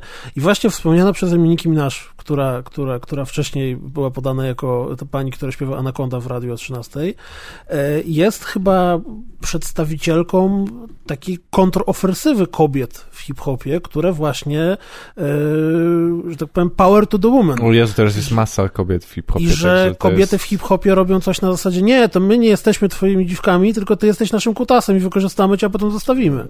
Tak, tak, tylko że tak, to tak, jest tak. bardzo zły trend. To jest bardzo zły trend, bo one robią dokładnie to samo, co robili faceci w latach 90., śpiewają o bzykaniu, o tym empowermencie właśnie w, takim, w taki sposób, że one sypiają z kim i gdzie chcą, że kasa jest najważniejsza, że ty masz dać jej tą kasę, bo jej się ta kasa należy, bo ona ma sztuczne cycki, fajną dupę i ty masz ją wielbić i one, one tak naprawdę, nie wszystkie oczywiście. Ja ostatnio właśnie, to jest dobre, dobre, że ty to poruszasz, bo ja ostatnio strasznie dużo tego słucham i y, jest cała masa takich właśnie y, pio, piosenkarek, raperek, które, które po Nicki Minaj się pojawiły, niektóre e, zrobiły karierę, inne nie, wiadomo, że wszyscy naraz nie dadzą, nie dadzą rady zrobić tej kariery, które są wulgarne i które żadnych treści nie przenoszą. Naprawdę żadnych nie przenoszą. Jakiś, jakiś Dream Doll, jedna laska, e, jakaś Sauti i tak dalej, Kuban Doll, one wszystkie są doll. Ale są też takie, e, są też takie artystki jak Snowda Product, która śpiewa chociażby o... O... hiszpańska, zresztą o hiszpańskich korzeniach Snowda Product jest. Oczywiście Deusz kojarzy. Y, pamiętasz tą piosenkę, zresztą ja Kuldanowi ją też puszczałem y, swego czasu. To się nazywało chyba Gaslighting o tym, że faceci bardzo często powodują wyrzuty sumienia specjalnie u kobiet, że wkręcają im, że one są takie dziwne, że one tak, tylko, mają problemy tylko, i tak dalej. Tylko to jest... To, to jest w ogóle to, określenie jest, psychicznej manipulacji. Tak, psychiczna jest... manipulacja, tak. dokładnie o tym jest ta piosenka. Więc są też takie artystki, które poruszają ważne tematy, które po, poruszają potrzebne tematy. Natomiast jak sobie odpalisz Kubandol albo jakąś tam inną, to odpalisz te teledyski i czy nawet, kurczę, proszę bardzo, Nicki Minaj. Zobacz, jak wyglądają te teledyski. Są tak samo wulgarne, jak były w latach 90., tylko teraz one niby tak naprawdę y, facetów mają za przedmioty, a tak naprawdę to same z siebie dalej robią przedmioty. I te piosenki dalej są o ruchaniu, o ćpaniu i o pieniądzach. Wiecie, o co mi chodzi? Czy ja to roz... ja, ja, ja nie mówię, że się z tym zgadzam, natomiast tą interpretację, którą słyszałem, to że w momencie, w którym facet mówi, że kobieta ma być jego dziwką, to jest y, bardzo not cool. Natomiast jeżeli kobieta mówi o tym, że chce być dziwką, to wtedy to już jest, to, to jest ten, ten nacisk i ciężar tej sytuacji jest położony w zupełnie innym miejscu. Czy, czy, czy one mówią, że chcą być dziwkami? No trochę na znaczy, w sensie, znaczy, nie, ja upraszczam tutaj, tylko chodzi mi o to porównanie, że, że jednak ten, ten, y, y, jak jakby to powiedzieć, motyw przewodni, który był w hip-hopie kiedyś, a to, co jest teraz właśnie z tego ruchu, czy nawet z tego, co, to, o czym śpiewa Nicki Minaj, to jednak jest, y, niesie trochę inny przekaz, tak? To jest, to jest, no nie wiem, nawet, ja w ogóle nie wiem, czemu ja o tym się wypowiadam, bo ja nie mam tak dużo wiedzy jak wy, ale przecież są nawet jakieś takie, w cudzysłowie, pojedynki, w cudzysłowie, pojedynki między poszczególnymi postaciami na scenie muzycznej. I to chodzi mi o to pomiędzy mężczyznami a kobietami, że właśnie ktoś był parą, a potem przestał być parą, więc ona o nim nagrywa piosenkę i potem on mówi jej, żeby spierdalała i tak dalej. To, to się, się cały dzieje. wywodzi z bifu między mm. właśnie Tupakiem a Notoriusem B.I.G. i potem wielu artystów próbowało robić podobnie w, w, w bardziej lub mniej mniej udany sposób, żeby troszeczkę nakręcić o sobie, że tak powiem, informacje, chociażby Jay-Z z Nasem tak walczyli swego czasu, a potem wszyscy zaczęli to robić. Nie wiem, czy te bify w ogóle wcześniej już nie istniały przed Notoriusem i Tupakiem, natomiast ten ich był najgłośniejszy, no bo doprowadził do śmierci obydwu artystów. I to, o czym mówisz, dzieje się do dzisiaj, ale to jest trochę takie zwrócenie na siebie uwagi, wiesz najpierw jesteśmy parą, tu media, tym bardziej, że właśnie przez to, że od 20 lat hip-hop jest popem, jest jest na pudelku, rozmawia się o tym. Bardzo często. No najlepiej jest sprzedającą się znają. muzyką na świecie i to jest o, w ogóle, właśnie. jest przepaść między hip-hopem a jakimkolwiek następnym gatunkiem muzycznym. Widzisz. I to w większości krajów, to jest Stany, Polska, Francja, Niemcy, to jest, to jest jakby przepaść, nie? No to, to bez dwóch zdań, to nawet nie ma się o co kłócić, bo to są statystyki. Tak, i każdy próbuje swój kawałek tortu ugryźć i dlatego są te afery, afery sekstaśmy, skandale, ten śmieszny Takeshi i jego... On niby tam był faktycznie związany z jakimś gangiem i, i potem jak nadawał, to nagle wielka dyskusja była i co? I dostał areszt domowy, a teraz już zdążył zrobić nowy kanał, kawałek z Nicki Minaj i sobie cudownie żyje i pewnie ten kawałek się sprzeda jak ciepłe bułeczki. Swoją drogą a propos gangów, to też o, o tym, co mówiliśmy na początku, o tym jak hip-hop się rozwijał w latach 90., to wielu artystów, którzy byli związani z gangami, chociażby tak jak Snoop Dogg, pełnili pewną, pełną, pewną taką rolę, nie wiem jak to powiedzieć, tuby propagandowej, to ta muzyka służyła temu, żeby młodzież przyciągać do tych gangów. Wiecie o co mi chodzi? Że, że ten popularny artysta, który był związany z Bloods albo z Cribs i on o tym opowiadał i tu tego i my jesteśmy silni i tak dalej. Oczywiście, przecież, ale a ja to, nawet... To było werbowanie młodzieży do tych gangów. Ale w nawet w teledyskach przecież był Seawalk, który w ogóle, który, gdzie, gdzie masz w teledyskach w ogóle informacje przekazywane tańcem tak naprawdę, gdzie... Tak gdzie, gdzie, gdzie, gdzie były no nie podprogowe, nie wiem jak to napisać, zakodowane, tak? W ogóle w tańcu zakodowane. informacje pewne nawet przekazywane między gangami, także, także to, to nawet do tego stopnia było, było zrobione. Także to jest cała bardzo rozwinięta, bardzo skomplikowana kultura. Ja mam nadzieję, że Deusz kiedyś napisze o tym książkę dla nas wszystkich. Ja chciałem Ale ja chciałem jeszcze jedną rzecz które... dodać do tego, o czym tu powiedziałeś, bo no. w którymś momencie padło stwierdzenie, że hip-hop czy rap to jest y, trochę takie disco polo w aspektach, ale jednak warto byłoby tu tutaj dodać, że i to dotyczy również polskiego hip-hopu, czy tam rapu, że y, jest to bardzo daleko posunięte uproszczenie dla potrzeby rozmowy, bo nawet ja, osoba, która tej muzyki za bardzo nie lubi, jest w stanie, nawet w polskiej w polskich przedstawicielach znaleźć rzeczy, których słucham z absolutnie czystą przyjemnością i gdzie właśnie czuć, że jest to bliżej poezji niż jakiegoś zwykłego tekstu pisanego, jak Nie, na przykład ten, kawałki łony. Korzeniu e, tego, temu Grzeszkowi chodzi bardziej o to, że jakby gdzie są korzenie, korzenie czy, tak? czyli okay. korzenie są jakby w najniższej to, to nie jest tak, że korzenie się zrodzą w szkole muzycznej y, na y, jam session y, tak piątkowym tak przy whisky, tak? Okay, Tylko okay. korzenie są takie, że się Mercedesa na podwórku przy piwku otwiera, kumpel ma Fruity Loopsa i zapętlił, e, i zapętlił na Fruity Loopsie bici, gdzie jest y, hi-hat i, i stopa i werbel, a ktoś tam e, ma trzy klasy polskiego i jebie policję, no bo taki jest, takie, takie są jakby, jakby takie są korzenie i taka jest tożsamość tego wszystkiego. Otóż to, otóż to. A to, że potem, a to, że, teraz a to, że potem, a to, że potem z podwórka ktoś z okna usłyszał, kto akurat chodził do szkoły muzycznej i sobie przeniósł, bo to jest fajna inspiracja i jednak jednak na tym jam session coś spróbował, to to teraz w dobie, o tym, czy, o czym rozmawialiśmy na początku, czyli w dobie tego, że każdy ma dostęp do wielu narzędzi i do, do wielu inspiracji, do wielu treści i do nauki, no to po prostu to się rozlało tak, że tych odnóg wszelakich muzycznych to już jest tyle, że nie nadążysz i, i, i, i, i ta tożsamość gdzieś się rozpełzła. No ale jednak korzenie, korzenie są takie jak yy, korzenie są takie, jak mówi Grzegorz. No, to, to, Czy w ogóle z tą tożsamością tego się, tego to się to nie jest powie. ciekawa rzecz, bo ja ostatnio dosyć dużo różnego stand-upu oglądam i w sumie bardzo zabawnie ogląda się, to, to nie dotyczy polskiego, chociaż w przypadku niektórych polskiego już też, stand-uperów, którzy starają się robić to takie, bo bardzo dużo stand-upu jest, jest odniesieniem do, do tego połączenia z widzem, że wiecie, a macie czasem tak, że yy, i cały dowcip polega na tym, że w momencie, w którym na scenie występuje ktoś, kto wypełnia, kurde, nie wiem, salę na 50 czy 100 tysięcy ludzi i zarabia, jest właściwie Jest milionerem. taka sala na 100 tysięcy ludzi? No nie wiem, pewnie w Stanach jakieś stadiony, nie stadiony zdarzają się, wiesz, to taka liczba podana czysto z powietrza, nie, ale e, ja nie wiem, jak tam na stadionach są te jakieś takie wielkie, wielkie wystąpienia, gdzie, gdzie tam tłumy ludzi przychodzą i w ogóle, wiesz, widzisz, jak okiem sięgną. No nie wiem, może to są tysiące ludzi, nie, nie, Nie, nie wiem ile tysięcy. narodowy jest. Nie, nie mam pojęcia z 40 tysięcy? Nie mam pojęcia 20?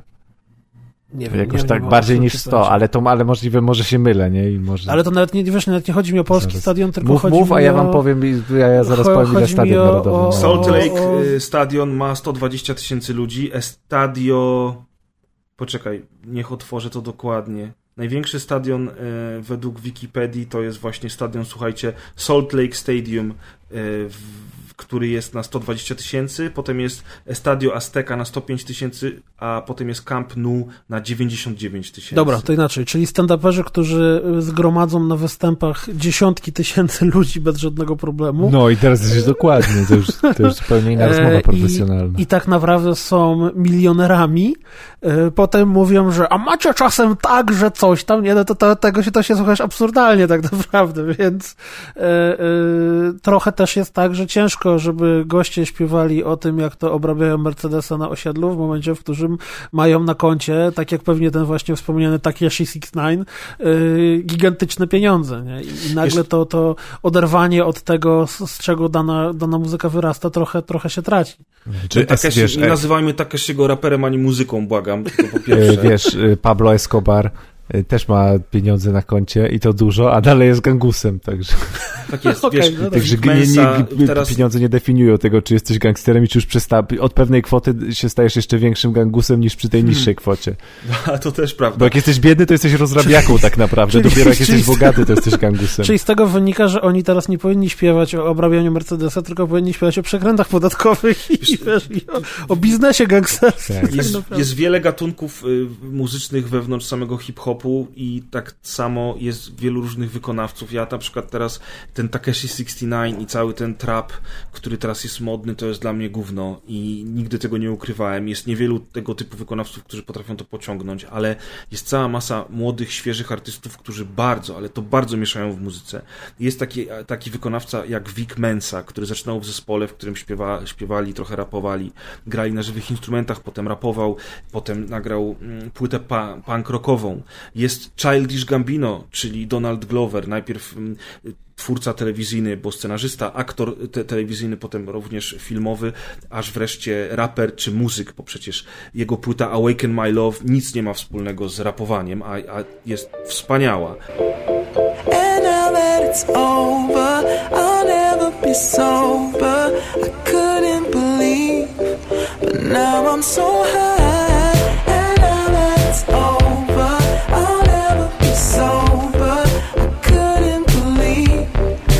Jest też facet, który po prostu ewoluuje na naszych oczach i tworzy fantastyczną muzykę. I z, z, z kultury hip-hopowej naprawdę cała masa różnych rzeczy fantastycznych e, nam tutaj teraz dzisiaj wyszła, prawda? I to jest super i to nikt nie mówi, że hip-hop jest zły. No E, wiesz, ja, ja, ja jak nosiłem za duże spodnie, wspomniane wansy i, i podwójną koszulkę XL Rockaware, gdzieś tam kupioną za ostatnie oszczędności, Y, I, i to, to, to nie słuchałem tak dużo, jak słucham teraz, tak naprawdę. Jak mam dużo mniej czasu, ale ten dostęp jest szerszy, i so, ale ten dostęp jest szerszy, większa wiedza i sobie gdzieś to mogę na spokojnie odsłuchiwać i przesłuchiwać, niż wtedy, jak się fiksowałem na, na, na, na jakichś takich pojedynczych czy paru wykonawców E, i, i, słuchałem tego bardziej ze strony fana i gdzieś tam to tak strasznie katowałem, a teraz gdzie sobie mogę popłynąć w różne nurty i posprawdzać wiele rzeczy, które mi się podoba i, i dużo mniej niszowe, bo jest dużo lepszy dostęp, więc ja teraz dużo bardziej i dużo szerzej konsumuję to, tą muzykę niż wtedy, kiedy mówię, kiedy tak jakbyś na mnie popatrzył, to byś pomyślał, że, że, że żyję tylko tym. Hmm. No i to jest dobre, e, bo jest tam w czym przebierać, prawda? Co, jakbyśmy mieli Kuldanowi coś polecić, żeby sobie posłuchał w domu i również naszym Mi Łona wystarczy. Nie no okej, okay, Łona tobie wystarczy, ale mnie to nie obchodzi, nie? Masz kurwa być w naszym gangu, albo cię zaszczelimy. Będziesz gangusem. Chcesz być bogaty, to musisz być gangusem. no dokładnie, chcesz być bogaty, musisz być gangusem. Ja bym polecił na pewno wszystkim e, pierwszy i drugi jazz Mataz od góru, bo to jest fajna e, mikstura jazzu i rapu, czyli absolutnie coś, nie dla Kuldana. O Jezu, typ męczy trąbkę? typ męczy trąbkę i rapują. no i co jeszcze? Dzięki Grzegorz, dzięki naprawdę. Tak, i, i, i w sumie, w sumie na, na, tym teraz y, się zatrzymamy, jeżeli chodzi o polecajki. Jak będziecie mieli ochotę czegoś posłuchać y, współczesnego czy czegoś starszego, to popytajcie nas w komentarzach. Na pewno z Deuszem chętnie o, właśnie, w komentarzach to się mogę uwewnętrznić na przykład, bo teraz to bym musiał wymienić chociażby, nie wiem, z ostatniego pół roku tak naprawdę bym mógł tak, po, tak, powymieniać. Po prostu byłoby za dużo, dlatego w miarę prze, przerwałem szybko ten pomysł, bo nie do końca był fajny. Widzę, że nie ma szans z Kuldanem, nie nawrócimy go. Dla niego tylko Łona, a Łona swoją drogą nagrywać? jest fenomenalny. Co mówisz? Ja w ogóle, ja Łona, ja Łona uwielbiam nie tylko za teksty, które są genialne, ale też za, ja nie wiem kto mu robi klipy, ale y, są w wielu aspektach doskonałe. Oj tak, Łona to jest, to jest, to jest Łona i Weber, i, bo... tak, i, i w ogóle ten ich zespół The Pimps, ja byłem na dwóch albo trzech ich koncertach, fantastycznie panowie radzą sobie na żywo, mają niesamowitą energię i, Ja żałuję, że nie byłem wtedy, jak miałem okazję z wami pójść na ten koncert. No bo ty się nigdy nie chcesz dać wyciągnąć i teraz widzisz, o, i masz, i proszę, i masz. Nie jesteś no. moją prawdziwą matką. Ja się nie wypowiadam, bo no, bo ty bo nie lubisz łony, wiemy. Bo się nie znam. To znaczy nie, no język polski się nie nadaje do tego, więc to jest... No to jest kiedyś zabiorę ciebie na łonę, może, y, może Piotra też uda się zabrać na łonę. Oni koncertują bardzo często w Polsce. Jak będziemy mieli trochę luźniejsze czasy, jeżeli chodzi o epidemię, to możemy się razem wybrać. Tymczasem, zanim przejdziemy do kolejnego tematu, który zaproponujecie, mam taką informację dla was ciekawą, a wręcz zagadkę, bo, bo wysyłałem dzisiaj tego mema Kuldanowi i Kuldan mówi, że on nie bardzo wie o co mi chodzi. E, I też paru moich kolegów napisało, że oni nie wiedzą o co chodzi, natomiast inni napisali oczywiście, że to jest bardzo śmieszny mem, totalnie w punkt i chciałbym zapytać Deusza, który jest najmłodszy z naszej trójki dzisiaj, czy ty wiesz o co chodzi w tym memie? No więc tak, osoba pierwsza pisze, pani, kobieta pisze, wytłumaczcie mi, po co napierdalać pokrzywę patykiem? Jestem dziewczyną i nie rozumiem. Na co odpisuje jej chłopak, samuraj nie ma celu, tylko drogę. Widziałem to dzisiaj, zanim mi wysłałeś i się uśmiałem po pachy, także... No właśnie, widzisz, przecież to jest tak dobre, to jest po prostu, to jest kwintesencja bycia małym chłopcem, który z innymi kolegami popierdala po lesie albo po krzakach wokół domu i nawala Ale ile ja pokrzywy skosiłem. Ja strzelałem także... z patyków, ja nigdy nie nawalałem pokrzyw, nie lubiłem pokrzyw. Ja strzelałem z patyków i biłem drzewa. Pierwsza wersja to była taka, że jak biłeś te pokrzywy, to po prostu one wtedy miały cię mniej parzyć bo te pokrzywy, które są takie rozmiękczone, nie są już tak. takie parzące. I w ten tak. sposób się torowało drogę. Tak, ale my jeszcze, ja jeszcze robiłem tak, że się 4-5 pokrzyw zrywało, takich naj, najdłuższych, największych, się zaplatało przez koszulkę, się zawiązywało supeł na końcu, no i otrzymywałeś taki bicz z pokrzyw, no i wtedy się po prostu napieprzało taka walka wszyscy na tak wszystkich, tak żeby ludzi parzyło i się po prostu strzelałeś tym też pokrzywami, było, żebyś cały tak był poparzony, także... Oczywiście, że tak było. Więc ja jestem w szoku, że niektórzy nie wiedzą, chociaż oczywiście nie wiem, to nie jest coś, co jest tak popularne, że każde dziecko... się bić pokrzywami. Tak, każde dziecko na świecie w ogóle torowało sobie drogę kijem przez haszcze pokrzyw. Wiesz, bo Tutaj... ty się napieprzałeś tymi pokrzywami, a teraz to każdy, wiesz, chce tam od razu jiu-jitsu brazylijskie, pięciolatek, każdy nie, oni swoje, swoje sprawy załatwiają w Hearthstone na komórkach, wiesz. No a propos pokrzyw jeszcze tylko szybko, to Marek Śledź, którego serdecznie pozdrawiam, yy, napisał, jak wysłałem mu ten sam mem. Bo dzisiaj wszystkim wysyłałem w ogóle tego mema, wszystkim chłopakom, nie? Na, na, na zawsze. Tak. Yy, I Marek napisał, ech, nie zna życia ten, kto nie pokonał zastępów wrogów kijem. No i tak to a propos naszego dzieciństwa i pokrzyw.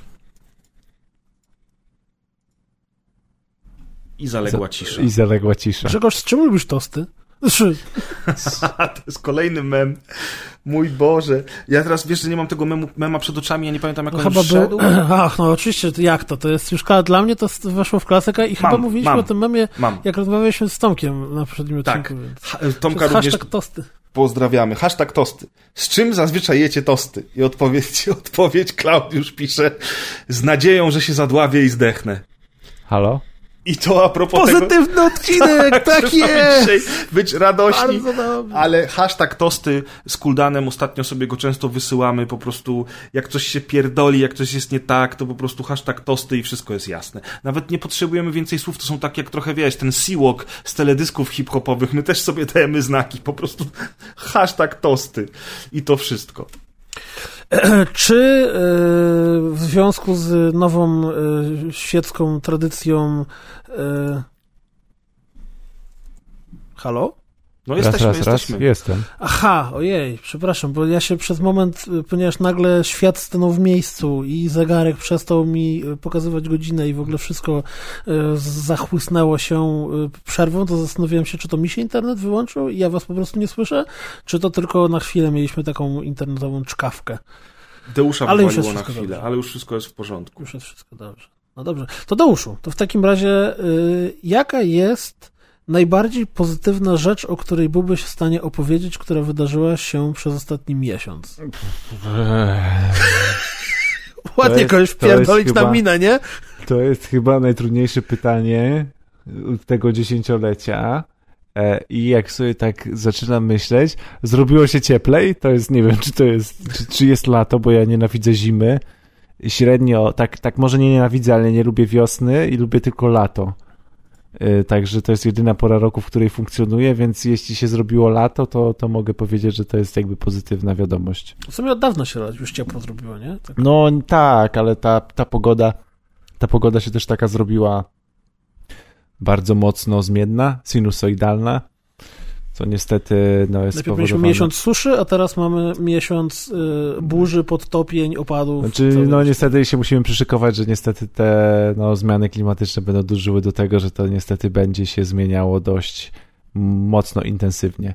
Bo wbrew Ale pozorom, Jak to? Przecież jak to? Była wbrew- susza, to tak. jaka ta susza, Bo- skoro teraz tak bo- deszcz pada? bo wbrew pozorom globalne ocieplenie nie polega na tym, że po prostu wszędzie jest cieplej, tylko właśnie polega na tym, że w takich terenach jak Polska będą po prostu dość istotne i szybkie zmiany e, tej temperatury, tak? Czyli nagłe wiatry, nagłe nadejścia wyżów i niżów, powodujące gdzieś tam jakieś tam właśnie wichury, opady, e, wysokie amplitudy temperatur i tak dalej, i tak dalej. No ale co? A teraz warto o tym wspomnieć, Miałem pozytywnie, że... przepraszam, to była pozytywna wiadomość. Właśnie w ramach pozytywów i kontynuując ten wątek, warto o tym wspomnieć, że na tego typu zmiany Polska nie jest absolutnie gotowa, jeśli chodzi o infrastrukturę, jeśli chodzi o zbiorniki retencyjne, jeśli chodzi o mikroretencję, o to, że e, place miast zostały wybetonowane i zamiast drzew, które wchłaniają wodę, mamy bruk i to wszystko będzie stało, nagrzewało się, więc naprawdę szykują się cudowne rzeczy. Mamy nadzieję, że już każdy ma w piwnicy, e, jeżeli ma piwnicę, zapasy srebrnej farby, żeby móc sobie pryskać po twarzy, krzycząc What a lovely day! Valhalla! Ale to miało być wesołe, wiecie o tym, nie? Żebyśmy jakieś takie mieć fajne rzeczy, a nie świat się odcinek szczęśliwy odcinek, czy, czy tam, nie wiem, dobry news. Dobrze, że uczyłeś się angielskiego ze słownikiem na kolanach, kiedy grałeś w Fallouta, bo zaraz będziesz miał Fallout za oknem. Znaczy, nie wiem, o jeszcze z pozytywnych wiadomości, przy tego, że nadeszło lato, to że może się trochę, trochę świat wraca na takie tory bardziej takie, jakie był pół roku temu, czyli, czyli wychodzenia z blokady wszystkiego i zaczynają się w naszym życiu dziać e, rzeczy, trochę jakieś, nie wiem, pierwsze spotkania i wyjścia i nie rozmawiamy tylko o streamingach i o tym, co oglądaliśmy na poszczególnych serwisach streamingowych e, i w co graliśmy i czego słuchaliśmy, tylko może nasze rozmowy w końcu się skupią na jakichś innych tematach i będzie można o czymś innym porozmawiać. Więc Ale to jest tylko też na chwilę, bo druga wiadomość. fala ma być gdzieś we wrześniu, październiku. Podobno cały czas się o Hashtag nim tosty. mówi. Tak, hashtag tosty. Więc jeżeli macie sprawy do załatwienia, chcecie iść zrobić badania lekarskie, pochodzić na siłownię, to róbcie to teraz, bo za parę miesięcy znowu zamkną nas w domach. Albo nie, bo myślę, że wiesz, wiesz co, ja mam wrażenie, że e, myślałem, że to będzie, że, że takie rzeczy można mówić głównie o Polakach, ale z tego co widzę, można to mówić globalnie o świecie, że ludzie się nudzą. E, może to jest zaleta albo jakiś taki efekt uboczny właśnie tego wszystkiego, że mamy wszystko na wyciągnięcie ręki, bo tak naprawdę chyba najprościej można by powiedzieć, że ludzkość znudziła się pandemią. Doszła do wniosku, że mm, e, tam Ludzie umierają, bo umierali. Widziałeś kiedyś bezobjawową chorobę. I, i tak Tam to jest jeden z mieście- newsów, który się dość długo utrzymał w ostatnich latach, tak naprawdę. tak, Patrząc- tak. A to już w patrząc- wiadomościach codziennie tak. rano nie mówią chyba. Patrząc na to, jak zarażeniach. szybko pożary w Australii, w Brazylii i wszelakie inne, nawet dość duże plagi mijają, e, top, topnienia lodowców i wszel- wszelkiego tego No i typu. ryzyko, nie wiem czy pamiętasz, na początku było ryzyko trzeciej wojny światowej, przecież również. Również, Więc- również. No, to, to dość, dość, dość szybko przemija, to, to, to jednak sytuacja pandemiczna dość długo się utrzymywała tak w mediach jako, jak, jako numer jeden, więc i tak jestem, podziwiam, szczerze podziwiam. A mam do was pytanie. Ostatnio trafiłem na, na takie, takie stwierdzenie i ciekawy jestem, co wy na to, ja- jakie macie do tego podejście. I też oczywiście, jak zawsze, warto przypomnieć i powtórzyć o tym, że zachęcamy wszystkich słuchaczy do wypowiadania się na każdy temat, o którym mówimy w grubych rozmowach, bo grube rozmowy są trochę taką e, pogadanką między nami, a również potem w komentarzach, co często i gęsto się dzieje między wami a nami, więc piszcie, jeżeli ja kiedyś o coś pytam, czy Gdeusz, czy, czy Grzegorz pyta kogoś z nas, to to pytanie również możecie absolutnie odbierać do siebie i potem w komentarzach nam, nam się, się odezwać i dać znać. A więc, czy najlepsze jest to, że przez ten wstęp, czy raczej przez, tą, przez ten disclaimer powinienem e, absolutnie zapomnieć o tym, o co chciałem was zapytać, ale na szczęście jednak e, udało mi się przypomnieć. Czy nie? Jak myślicie? Udało mi się? Nie udało mi się. Wypadło ci z głowy. Tak, dokładnie. E, Ja najlepsze jest to, że jak zacząłem teraz się śmiać, że powinno mi to wypaść z głowy, to sobie przypomniałem i teraz znowu zapomniałem. Jezus Maria, starość, nie radość. Co się dzieje? Co się dzieje z No, tymi ludźmi? Piotruś, spójrz w lewo, spójrz w prawo, pomyśl o czymś innym, zaraz ci się przypomni. A czemu mam spojrzeć w lewo i spojrzeć w prawo? No, na chwilę się zdezorientuj. Żeby poleciały elektrony w twoim mózgu w inną stronę i zaraz Tak one działa, wrócą. że jak się miota głową na lewo i na prawo, to wtedy... Nie, tak nie działa. Ale w internecie możemy powiedzieć wszystko, że tak działa i nikt nas nie sprawdzi. Nawet jak sprawdzi, to mu powiemy, że się myli, to znaczy, że się myli. A jak jest z tymi elektronami w mózgu? W mózgu są elektrony, bo to też... Są elektrony. Tak, ten, no tak, masz prąd w mózgu, więc Okej, muszą a- być aha, elektrony. b- biegną po tych neuronach, tak? Tak, tak, tak. Upo, wiesz, uporządkowany, A jak widzisz, masz ruch tak się- elektronów, to masz prąd. A tak się broniłeś przed tym, że ja mówiłem, że jesteś człowiekiem wielu talentów, który ma wiedzę w absolutnie każdym temacie i na każdy temat. No widzisz, a jednak okazuje się, że taki jest. I teraz Kuldan siedzi przed monitorem i tą głową tak na boki rusza i sobie próbuje... Dokładnie przy- tak jest, absolutnie i- i dokładnie próbuję tak, sobie tak macham, przypomnieć, nic. I wiesz, to żeby pasowało to do mikrofonu, to powinno być w ten sposób, a potem w ten sposób i w ten sposób, a potem... A tu nic, nic nie wraca. Nie no dobrze, Grzegorzu, rzucaj swój kolejny temat. Jak wróci, to ja wam zadam to pytanie.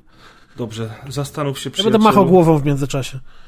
Ja wam chciałem powiedzieć taką rzecz, która jest wspominkowa i może niekoniecznie na grube rozmowy, bo to jest gra komputerowa, ale y, troszeczkę jednak na grube rozmowy, bo ona mi się bardzo mocno kojarzy z dzieciństwem, z latem i z takimi fajnymi rzeczami związanymi wokół tych wszystkich tematów, a mianowicie niedawno obchodziliśmy dwudziestolecie gry Diablo 2 absolutnego klasyka klasyków. Nawet jeżeli ktoś w gry komputerowe nie gra, to na pewno słyszał o serii Diablo, bo szatan i w ogóle wiadomo, psucie młodzieży.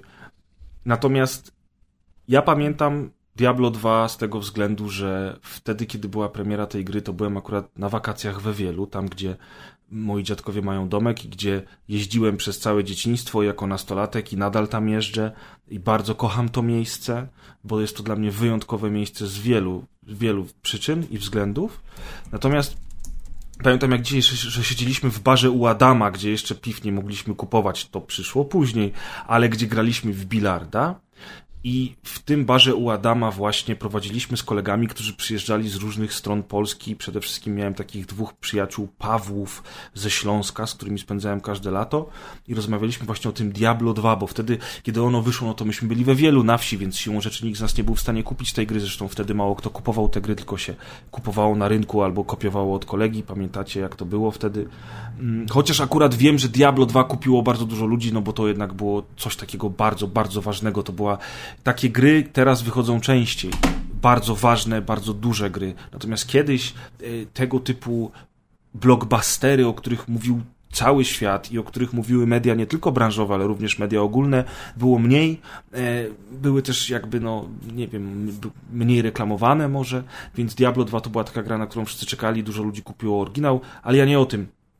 Pamiętam, że po prostu siedzieliśmy z chłopakami w tym barze u Adama, skończyliśmy grać w bilarda i gadaliśmy o tym, jakie to Diablo 2 będzie i jakie ono jest fajne i tam ktoś czytał jakąś recenzję, ktoś czytał jakąś zapowiedź i wszyscy dyskutowaliśmy o tym, jakie te klasy postaci będą, kto kim zagra, co tam w ogóle podobno będzie. I to jest niesamowite, że myśmy spędzili cały dzień, jak nie dwa, dyskutując o tym Diablo 2 bez dostępu do gry, y, tworząc niesamowite historie, fantastyczne buildy postaci i w ogóle snując niesamowite wizje tego, tego, co w tej grze będzie i to dało nam chyba więcej frajdy niż później samo granie w to Diablo. Oczywiście było, była to świetna gra, ja nie mówię, że nie, ale jakoś teraz właśnie jak, jak y, pojawiły się newsy o tym, że Diablo 2 obchodzi dwudziestolecie swojego powstania, to, to właśnie przypomniał mi się tamten rok, tamto lato we wielu, i tak naprawdę niewiele więcej z tego lata pamiętam.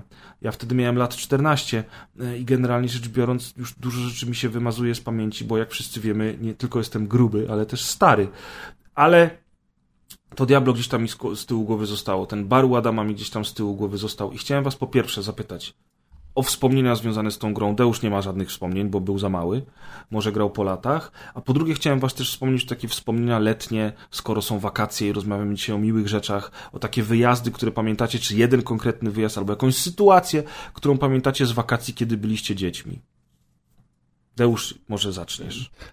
To, tak jak wspomniałeś, jeśli chodzi o Diablo 2, ja grałem po latach, bo 20 lat temu, w momencie jak to wychodziło, to miałem 8 lat i, i, i, i, nic nie pamiętam. To znaczy pamiętam tyle, że no, starszy brat grał i, i starsi koledzy i wszyscy się zachwycali. Ja grałem po latach, ale to jest kompletnie jakby nie mój, nie mój gameplay. Ja nigdy za hack and slashami nie, nie przypadałem. To, to, to, to, to też nie są moje klimaty, więc ja mam jakby yy, stosunek zupełnie chłodny do tej serii jeśli chodzi o Twoje pierwsze pytanie. Natomiast jeśli chodzi o drugie pytanie i, i, i, i wakacyjne wyjazdy, przygody, to trudno byłoby, to, to chyba oddzielną w ogóle podcast albo serię podcastów musielibyśmy sobie urządzić, bo ja moje środowisko tak naprawdę i miejsce, gdzie się wychowywałem, to, to kojarzą mi się u mnie jakby cały mój roczniki, wszyscy znajomi, znajomi z podwórka. My zawsze jeździliśmy mm, przede wszystkim no, na jakieś takie kolonie po Polsce, plus oczywiście przez to, że byliśmy z Mazur, to na wszelkiego rodzaju spływy. I to były spływy dwu, trzy, y, y, y, dwu, trzy tygodniowe na, nawet. I to były gdzieś blisko, tak, spływy, ale to zawsze było E, to zawsze były spływy kajakowe oczywiście i to, to, to, to było tak, że na nie się jeździło rok w roku razem ze spaniem pod gołym niebem, bo się nikomu nie chciało e, rozstawiać namiotu, e, razem z, z jedzeniem dżemu prosto z, ze słoika, pasztetu prosto z puszki, bo się nikomu nie chciało wyjąć noża, żeby rozsmarowywać i, i, i, i te wakacje to zawsze gdzieś tam gdzieś tam te spływy, spływy i obozy, ale to jakby historii i, i przesiadywanie i spędzanie całych wakacji na podwórku, ale tak naprawdę no to te no to, no, no to moglibyśmy tak naprawdę drugi zupełnie nowy, nawet nie odcinek nagrać o tym, ale, ale, ale, ale i całą serię podcastową, więc no ja się też wychowywałem na Mazurach, więc tak naprawdę no jak wychodziłem z domu, to miałem las i jezioro, więc tych rzeczy się robiło dość, dość dość dużo. Od szałasów i okładania się pokrzywami po kąpanie się na golasa i, i, i skakanie do wody z jakichś drzew w pobliżu w pobliżu jezior, co w tym momencie aż, aż się dziwię, że w ogóle jeszcze chodzę o dwóch nogach tak naprawdę. Jak sobie mhm. przypomnę, co, co, co, co robiliśmy, to w ogóle nie mam pojęcia, jak ja przeżyłem niektóre rzeczy. Yy, no, natomiast yy, jeśli chodzi o te przeżycie rzeczy, przeżycie rzeczy, no to tam kilka rzeczy w swoim życiu złamałem, więc, więc jednak jakieś tam e, obrażenia wyniosłem z tych, z tych przygód wakacyjnych, natomiast no, no, no tego była masa, Te, tego była naprawdę masa i, I to już byśmy musieli sobie naprawdę jakiś super wspominkowy, wspominkowy odcinek zrobić o tym. No, to by było bez końca można nagrywać tak naprawdę tego typu rzeczy, opowieści i historie. Nie no, wszystkie zresztą, zresztą się nadają czy, do publikacji. No zresztą często sobie tam, nie wiem, czy na czacie, czy jak się spotykamy, sobie opowiadamy, więc te historie tak na, przy ilości, ilość osób razy ilość historii, to te historie się nie kończą chyba i można to sobie tak opowiadać i opowiadać i opowiadać w kółko. To jest prawda. To ja wam jeszcze szybciutko powiem, e, jak Kuldan szuka dalej, się zastanawia. Nie no, ja się zastanawiam, czy mnie też spytasz, żeby odpowiedzieć, czy jednak nie. Spytam się, spytam oczywiście. Kuldana już oczy bolą od tego ruszania no, Tak lewo, prawo, tak lewo, prawo, tak. co ja chciałem rozmawiać? Co tutaj robię? Ja już ja przypomniałem sobie w międzyczasie, o czym chciałem rozmawiać. No to dajesz. Opowiedzieć, opowiedzieć do już... Nie, to poczekaj, to już... No to czekaj, to ja Zapisz sobie najpierw, czekaj, zapisz sobie najpierw, bo to chciałeś zapytać dopiero. Notatka głosowa, OK Google, zapisz notatkę. Zapisz szybko sobie notatkę, ja tylko szybko Otworzył się, zawsze chcę zażartować na temat OK Google, to potem i tak się otwiera. tylko szybko powiem jedno wspomnienie, które właśnie mi się przypomniało które jest zabawne moim zdaniem, chociaż każdy chyba z nas ma takie wspomnienie i potem ciebie, Kuldan, zapytam oczywiście o to wspomnienie, a mianowicie moje pierwsze piwo, też we wielu, lat 14, czyli to musiał, ty, to był ten sam rok, to był ten sam rok. Tak późno? Mm, to taki tak, grzeczny byłeś. 14 lat miałem, jak, jak wypiłem pierwsze dwa piwa w swoim życiu i poszliśmy razem z moją kuzynką, jakimiś tam dziewczynami starszymi. Zawsze żeśmy biegali za tymi starszymi dziewczynami, bo moja kuzynka miała dużo koleżanek, a te parę, parę lat różnicy robiło dużą różnicę. No i myśmy tam się e, z nimi zawsze trzymali i poszliśmy do, do takiej potańcówy, która była w ośrodku nad jeziorem, się szło pół jeziora na piechotę przez las i tam była taka taka tańc Buda, e, gdzie potem oczywiście chodziliśmy w miarę regularnie i to był jeden z takich pierwszych razy, kiedy tam żeśmy poszli. Nie pierwszy, ale pierwszy, kiedy piłem piwo i to było piwo z plastikowego pokala i wypiłem dwa takie półlitrowe piwa jak wracaliśmy z moim kumplem e, i razem z, z resztą ekipy już z tej potańcówy, bo byliśmy tam stosunkowo krótko oczywiście, to, to, to mieliśmy, no, mieliśmy osta, ostrego szmera, ja i ten mój kumpel, i szliśmy razem objęci patrząc w gwiazdy i niesamowicie, niesamowicie byliśmy przejęci tym, jak te gwiazdy pięknie świecą w tej ciemnej, leśnej nocy. E, I potem mój kumpel zobaczył coś pod drzewem i pod, postanowił podejść pod to drzewo, bo myślał, że coś tam leży, a to były worki na śmieci, które które były przygotowane na wywóz e, rano kolejnego dnia z takiego takiego obszaru tam, gdzie były kempingi i namioty i oczywiście tak jak szedł, tak wpadł w te worki, się wypieprzył i tak chwilę w nich poleżał. I jak wróciliśmy już do domów, każdy się rozszedł, tam wydawało mi się, że troszeczkę wytrzeźwiałem, no bo te dwa piwa to jednak był szok dla organizmu wtedy, to mój tata akurat kładł się spać i mył zęby, więc ja wszedłem grzecznie, ściągnąłem buty i mówię, do niego tam w łazience. Zagadałem do niego, wiecie, pełna spina, jest wszystko w porządku. I mój ojciec mówi, a ty wiesz czemu ja wiem, że jesteś pijany? A ja mówię, co? Ja nie jestem pijany. A on mówi, bo drzesz ryja. Idź umyj zęby i do spania. A ja wiesz, co? Ja nie jestem pijany przecież, w ogóle. Powtórz. Także takie było moje pierwsze pijaństwo i jeden z takich fajnych tam. Ja, ja lubiłem wyjeżdżać. No to tak wrę wręcz filmowo. Lubię pić alkohol. to tak lubię wręcz, dalej, wiesz, ale... To tak wręcz filmowo, kurczę, na wakacjach wzdłuż jeziora, potem powrót z ukochanym kolegą, patrząc się w gwiazdy, a nie tam, że tam za szkołą po przerwie zżygałem się i przyjechali rodzice, nie? To by właściwie dużo tłumaczyło teraz, nie? Oj, oj, oj. Co by tłumaczyło? No, że twoje pierwsze piwo to z kolegą romantycznie w gwiazdach, patrząc w gwiazdy i tarzając się w worku na śmieci. Żartuję oczywiście. Nie, ja wiem oczywiście, że żartujesz, natomiast opowiedz nam swoje. Diablo 2. E, po pierwsze, e, to może być szokujące, oczywiście nie wiem czemu, ale ja nigdy nie grałem w Diablo 2. E, What? Nigdy nie miałem ochoty grać w Diablo 2, natomiast grałem Swój chłop. dodatek do Diablo 2. W ogóle absolutnie, bo nie wiem, czy ten dodatek siedział po podstawce, jak mogłeś grać w niego bez przejścia dwójki? Ale to był ten dodatek, Wydaje... który wyszedł w miarę tak jakoś blisko Pół premiery, później, prawda? Czy no, rok właśnie. później, jakoś tak, ale on był... Yy tylko widzisz, y, on był dodatkiem rozszerzającym, który oprócz tego, że dodawał zawartość, to on tą grę chyba dodawał wyższą rozdzielczość, tam on, on jakieś spore rzeczy zmieniał w samej swojej mechanice. I dlatego ja mówię, że E, tylko ja teraz tego nie pamiętam, więc to było dawno temu, tak mi się wydaje, że tak było. Że ja nie grałem nigdy w Diablo 2, dlatego że ja grałem w podstawkę dopiero potem, jak już się pojawił dodatek i grałem ją z podstawką, która chyba, czy może jakąś nową klasę postaci dodawał? Ten dodatek dodawał dwie klasy postaci, bo on dodawał zabójczynię i szamana. O, widzisz, to może o to chodziło. Wiem, że ja grałem już po dodatku e, i jeśli chodzi o Diablo 2, to moim absolutnie e, najlepszym wspomnieniem z tą grą jest jej soundtrack, którego słuchałem bardzo długo, bardzo często, w wielu sytuacjach absolutnie poza tą grą. Ja pamiętam, że miałem wtedy motyw y, nagranie w Magica, Magic the Gathering i była taka starusieńka gra Magic the Gathering, w której e, już nawet nie pamiętam, czy tam po prostu się kładało talię i się, się napierdzielało, czy, czy yy, była jakaś fabuła, no absolutnie nieważne, natomiast zawsze, wiecie, ten był Winamp i w Winampie się odpalało soundtrack z Diablo 3 i wszystkie te super klimatyczne, fajne kawałki i grało się w Magica.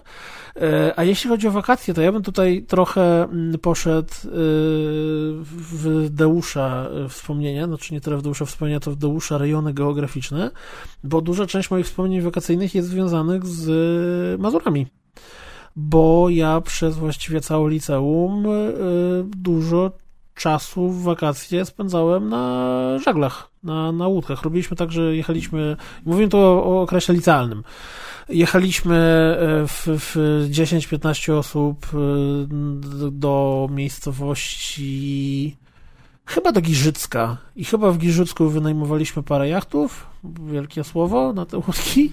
I pływaliśmy sobie przez tydzień czy przez półtora tygodnia opływając całe, całe Mazury, tam do Mikołajek, do, do Ruciany Nida i tak dalej. E, i to były bardzo fajne wspomnienia i, i, i fajne, I nic nie pamiętam. Znaczy, wiesz co, to jest zabawne, bo dla mnie to jest jeden z tych dowodów na to, że człowiek po alkoholu robi się bardzo elastyczny i jednak obrażenia, które przyjmuje jego organizm są... A widzisz, to, to o to chodziło w takim razie. I jego i obrażenia są zdecydowanie mniejsze. I oczywiście teraz, jak patrzę na to z perspektywy starego, odpowiedzialnego dziada, to myślę sobie, że ja miałem też wiele szczęścia, że nie zginąłem tam kiedyś przy okazji, bo działo się dużo różnych dziwnych rzeczy na tych wyjazdach. Jedną z moich y, najbardziej wspominanych jest to, jak to jako młodzi ludzie e, przez cały dzień ścigaliśmy się. Ja nie pamiętam skąd, dokąd płynęliśmy, czy, czy z Mikołaja gdzieś, czy, czy do Mikołaja, ale generalnie przez dosłownie cały dzień e, razem wypłynęliśmy, kompletnie przypadkiem z, z miejsca początkowego i przez cały dzień ścigaliśmy się z jakąś drugim, drugim jachtem, który płynął też, też stamtąd, skąd my płynęliśmy i okazało się, że też płynął, nie wiem, załóżmy, że do Mikołajek. No i kiedy dopłynęliśmy do Mikołajek, to wtedy przyszedł człowiek z tego jachtu i to był jakiś facet, który z, z mojej perspektywy wtedy to był, o mój Boże, jakiś starszy pan, a teraz myślę, że to pewnie był jakiś 40-latek, więc właściwie trochę perspektywa się zmienia, który mówił, że no tu gratulacje dla sternika tej łódki, bo, bo wygraliście z nami, proszę bardzo, tu macie flachę whisky i zapraszamy na szanty do, do, do tego, do lokalu wieczorem. No i oczywiście całą ekipą tych tam 10 czy, czy 12 osób poszliśmy. Eee, nachlaliśmy się straszliwie, potem kontynuowaliśmy to chlanie u tych ludzi na łódce i e, pamiętam, że jak wracałem do siebie, to byłem już dosyć mocno w stanie wskazującym na, na przekraczanie e, od dawki alkoholu niezdrowej dla człowieka e, i spierdoliłem się, co musiało być w Mikołajkach, z jachtu na betonową keję. Miałem tyle szczęścia, z wysokości jakieś nie, dwóch i pół metra mniej więcej. Wow. Bo zrobiłem tak, że stanąłem na tym koszyku, który jest na początku łódki i mój plan był taki, że wyjdę z koszyka i zaskoczę na, na ziemię. Natomiast przełożyłem jedną nogę nad koszykiem, przełożyłem drugą nogę nad koszykiem, przełożyłem trzecią nogę nad koszykiem i w momencie, w którym przekładałem trzecią nogę nad koszykiem, okazało się, że już nie stoję za koszykiem, tylko po prostu lecę w dół i przywaliłem dupą o, o tą betonową keję. I moje szczęście w nieszczęściu było dokładnie, oczywiście, że sobie zbiłem, oczywiście, że sobie zbiłem kość ogonową. I właśnie to jest to szczęście w nieszczęściu, że e, gdybym przywalił łbem, to bym się po prostu zabił tam na miejscu, no, więc to tylko i wyłącznie świadczy o tym, jak gównia, gówniarzem, którym byłem, byłem absolutnie nieodpowiedzialny, nie polecam tego nikomu. Natomiast myślę, że każdy człowiek e, w wieku swoim nastoletnim miewa pewnie gdzieś tam w, w pokoiku wspomnień takie historie, które wspomina na zasadzie więcej szczęścia niż rozumu. To ja mam jeszcze... To... Dobrze, ja tylko dokończę. I pamiętam, że właśnie, że, że, że przełożyłem trzecią nogę, po czym nagle otwieram oczy i widzę gwiazdy nad sobą, bo było piękny, wspaniały środek lata, rozgwieżdżone niebo, więc wstałem, poklepałem się po tyłku, stwierdziłem, że mnie boli, ale to zignorowałem, więc poszedłem do jachtu, tam się wolnąłem na, na, na, na, na swoje łóżko, obudziłem się rano i zastanawiałem, co mnie tak dupa boli. I najgorsze jest to, że bolała mnie przez kilka dni, ale mi przeszło. Więc y, raczej nie złamałem sobie wtedy kości ogonowej, natomiast chyba ją sobie stłukłem, bo od tamtego czasu i później jeszcze to poprawiłem spadając z roweru na, już na trzeźwo, z roweru na y, kostkę betonową, że od tego czasu, jeżeli siedzę na twardym krześle zbyt długo w jakimś, w, w, w, nie na przykład w kinie dajmy na to, to wtedy mnie zaczyna kość ogonowa napierdzielać, muszę się wiercić na tym krześle i zmieniać pozycję i tak dalej.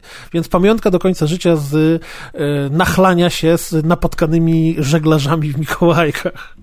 To ja mam tylko Deusz, jeszcze szy, No. szy, szybka historia mi się przypomniała, która z perspektywy 2020 roku wydaje mi się, że gdyby się wydarzyła, to by mogła wylądować co najmniej w jakiejś zakładce na Onecie albo na stronie TVN24, a wtedy to w sumie nikogo za bardzo nie obeszła, e, czyli w jakoś w podstawówce czwarta, piąta klasa, czyli wtedy się ma, nie wiem, 13 lat chyba, tak? Mniej więcej, to jest mniej więcej ten wiek. Byłem na koloniach w Zakopanem, w takim ośrodku typowo kolonijnym, gdzie z całej Polski zjeżdżały przeróżne kolonie i było ognisko integracyjne.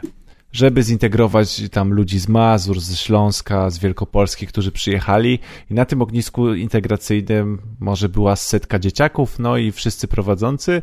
I Jak to ognisko integracyjne, kiełbaski, każdy dostał kijek, zrobił sobie kiełbaski. Na następny dzień okazało się, że seteczka dzieci plus wychowawcy wszyscy mają zatrucie pokarmowe. Wow. I to takie zatrucie pokarmowe, że ja pamiętam, że napra- oj, naprawdę się źle czułem. To nie było takie zatrucie pokarmowe, że coś zjadłeś się nieświeżego i tam zły poranek, ale po południu już jest grypę nieźle. żołądkową, tak? Tylko taką właśnie już wchodzące w zakresy grypy żołądkowej. Eee, historia była taka, że przyjechał oczywiście w ogóle, przyjechał, e, przyjechała cała ekipa tam kilku lekarzy, przebadać, dawać leki, ale wyobrażacie sobie akcję e, 100 osób w ośrodku ma grypę żołądkową z, e, jak to w ośrodkach kolonijnych, gdzie na korytarzu jest jeden kibelek, tak? Z, z, na, na, na kilka pokoi, tak? Pokoje to nie cztero, zahaczyło jakąś salmonellę przypadkiem? Czterech, zaraz wam opowiem, o co chodziło. Oho. Czterech, czterech, na razie tylko kr- na, na, nakreślam sytuację, czyli kilka pokoi na piętrze, czterech pięcioosobowe i jeden kibelek. I oczywiście, czy, e, oczywiście e, opiekunowie również to mają, ale jednocześnie muszą się opiekować tak dzieciakami, które, kto- bo to jednak e, wczesna podstawówka, no to już w sumie czwarta, piąta klasa to już taka późniejsza, no ale podstawówka i się muszą opiekować dzieciakami, a sami mają grypę żołądkową plus, plus, plus, plus jakieś takie objawy okołogrypowe. Cóż się okazało? Okazało się, że pan, który, e, właściciel ośrodka, który zorganizował nam to piękne ognisko, zużył gałęzi ze swojego stosu, a gałęzie pochodziły z jabłonki, która była świeżo opryskana. O wow. I wszyscy zjedli kiełbaskę opryskaną jakimś randapem, czy czym da się wow. pryska. Ale to się mogło dużo gorzej skończyć. Tak, mogło się naprawdę. dużo gorzej skończyć. I powiem ci, Mogło że się ja już teraz... setką zgonów tak I, naprawdę. I powiem ci, że ja, no dlatego, dlatego ja się naprawdę myśmy się czuli fatalnie. To było na, to było, dosłownie było objawy jak normalnej grypy plus zatrucie po, e, e, pokarmowe i tak dalej. No, ja pamiętam wygląd tego ośrodka, gdzie dzi- ludzie chodzili, te dzieciaki chodziły, wszyscy chodzili, ja też byłem dzieciakiem, wszyscy chodzili z miskami, e, połowa osób leżała na, na, na, na, na, na podłodze, bo już nie mogło leżeć na łóżku i tak dalej, i tak dalej. Więc to naprawdę, to były dwa, trzy dni, dwa, trzy dni takiej mordęgi yy, i zmarnowanych wakacji, ale jak sobie pomyślę teraz, że taka historia by wypłynęła, to wydaje mi się, że spokojnie w wakacje mogłaby trafić w sezonie ogórkowym gdzieś tam na A- stronę TVN-u. A powiedz mi, ten y, ośrodek potem jeszcze normalnie funkcjonował? Czy A nie mam pojęcia, wiesz? Ja tylko mam pojęcie, że potem jak poszło, że ten, te, że yy, pamiętam, że jakieś tam yy, już tam opiekunowie byli strasznie źli i, i moi rodzice potem jakieś odszkodowania były. Wiem, że jakieś zwroty były i ten ośrodek coś tam, coś tam, coś tam wypłacał, ale nie wiem, czy to było zwrot za pobyt, czy to było coś jeszcze, ale raczej, ale raczej to nie było dużo, bardziej typu, że sami się zgodzili zwrócić za pobyt mniej więcej, tak z tego co pamiętam, to ja, jakoś tak ta sytuacja się rozwiązała. Ale Deusz oczywiście złotówki nawet nie zobaczył, tak samo jak po komunii. Nie, ja po komunii, mój drogi, po komunii dostałem wszystkie pieniądze i po komunii jeszcze mi rodzice musieli dopłacić, bo niestety u mnie na komunii to może z 8 osób było. I po komunii kup, pojechaliśmy do sklepu i dostałem e, jeszcze mi rodzice dopłacili i sobie kupiłem Walkmana Soniego, Oj tak! oryginalnego I, ale jeszcze zostało coś jeszcze i wtedy mi mama jeszcze kupiła płytę Puff Didiego. E, Najlepiej. Nie pamiętam. Widać, że to porządna rodzina. Tak, tak, tak. No a w domu jeszcze miałem tam Tupakalips, miałem na kasecie i tak dalej. To były moje pierwsze Bo kasety. dostałem na komunię. To były moje pierwsze kasety, które odpalałem. Także ja Tupakalips, Tupakalips Now e, pierwszy raz usłyszałem z kasety na Walkmanie z pierwszej komunii, także... Już wtedy a propos, a propos ale super klamra na, mieć kasę, tak? tak? super klamra na zakończenie tego rozmowy. Jeszcze tylko a co ty, Kuldan, mówiłeś o, o tym, o, o komunii, że co? Yy, że ja BMX-a dostałem, pamiętam. O, to też BMX i zegarek. Piękny prezent. Zegarek rozwaliłem, bawiąc się nim, przywaliłem nim co stół. Piękny. Tak, o bo zegarek to jest super prezent dla dziewięcioletniego dziecka. No, dokładnie, jest... dokładnie tak. Tak jak medalik każde dziecko letnich, letnich historii i głupot, bo to można by było mnożyć i po prostu opowiadać, ale takich głupot, które są bardziej, powiem, taką śmieszną, pozytywną, zabawną głupotę. E, mianowicie mieliśmy z kolegami taki układ w liceum, z taką paczką moich przyjaciół, z którymi się trzymałem jeszcze od podstawówki, że jeżeli któryś z nas pierwszy straci dziewictwo, to wszyscy pojedziemy razem na domek e, i reszta stawia browary. I spędzimy wieczór po prostu świętując. I reszta tam straci dziewictwo. Nie, nie, nie, nie, nie tam w grupie dziesięciu kolegów, nie, nie, tylko, tylko wiecie, tak po prostu. I to było oczywiście dla każdego nastolatka w liceum, czy też na studiach później, to jest bardzo ważne e, przeżycie i, i zawsze wszyscy o tym rozmawiają, koledzy między sobą, koleżanki tak samo. No i tak się stało, że ja byłem tą osobą, która jako pierwsza straciła dziewictwo, więc chłopaki zorganizowali wyjazd, pojechaliśmy na domek do jednego z nas, kupili dwie kraty browara chyba wtedy, pamiętam, może trochę tego więcej było. Jeszcze wtedy tam wódki, takich alkoholów to się raczej nie pijało. No i żeśmy się urżnęli jak prosiak, prosiaki oczywiście, świętując tę radość, wiecie, to niesamowite wydarzenie, jakbym się co najmniej wspiął na K2. E, bardzo, bardzo przyjemny wieczór, też lato oczywiście, Może to duża dziewczyna była. To...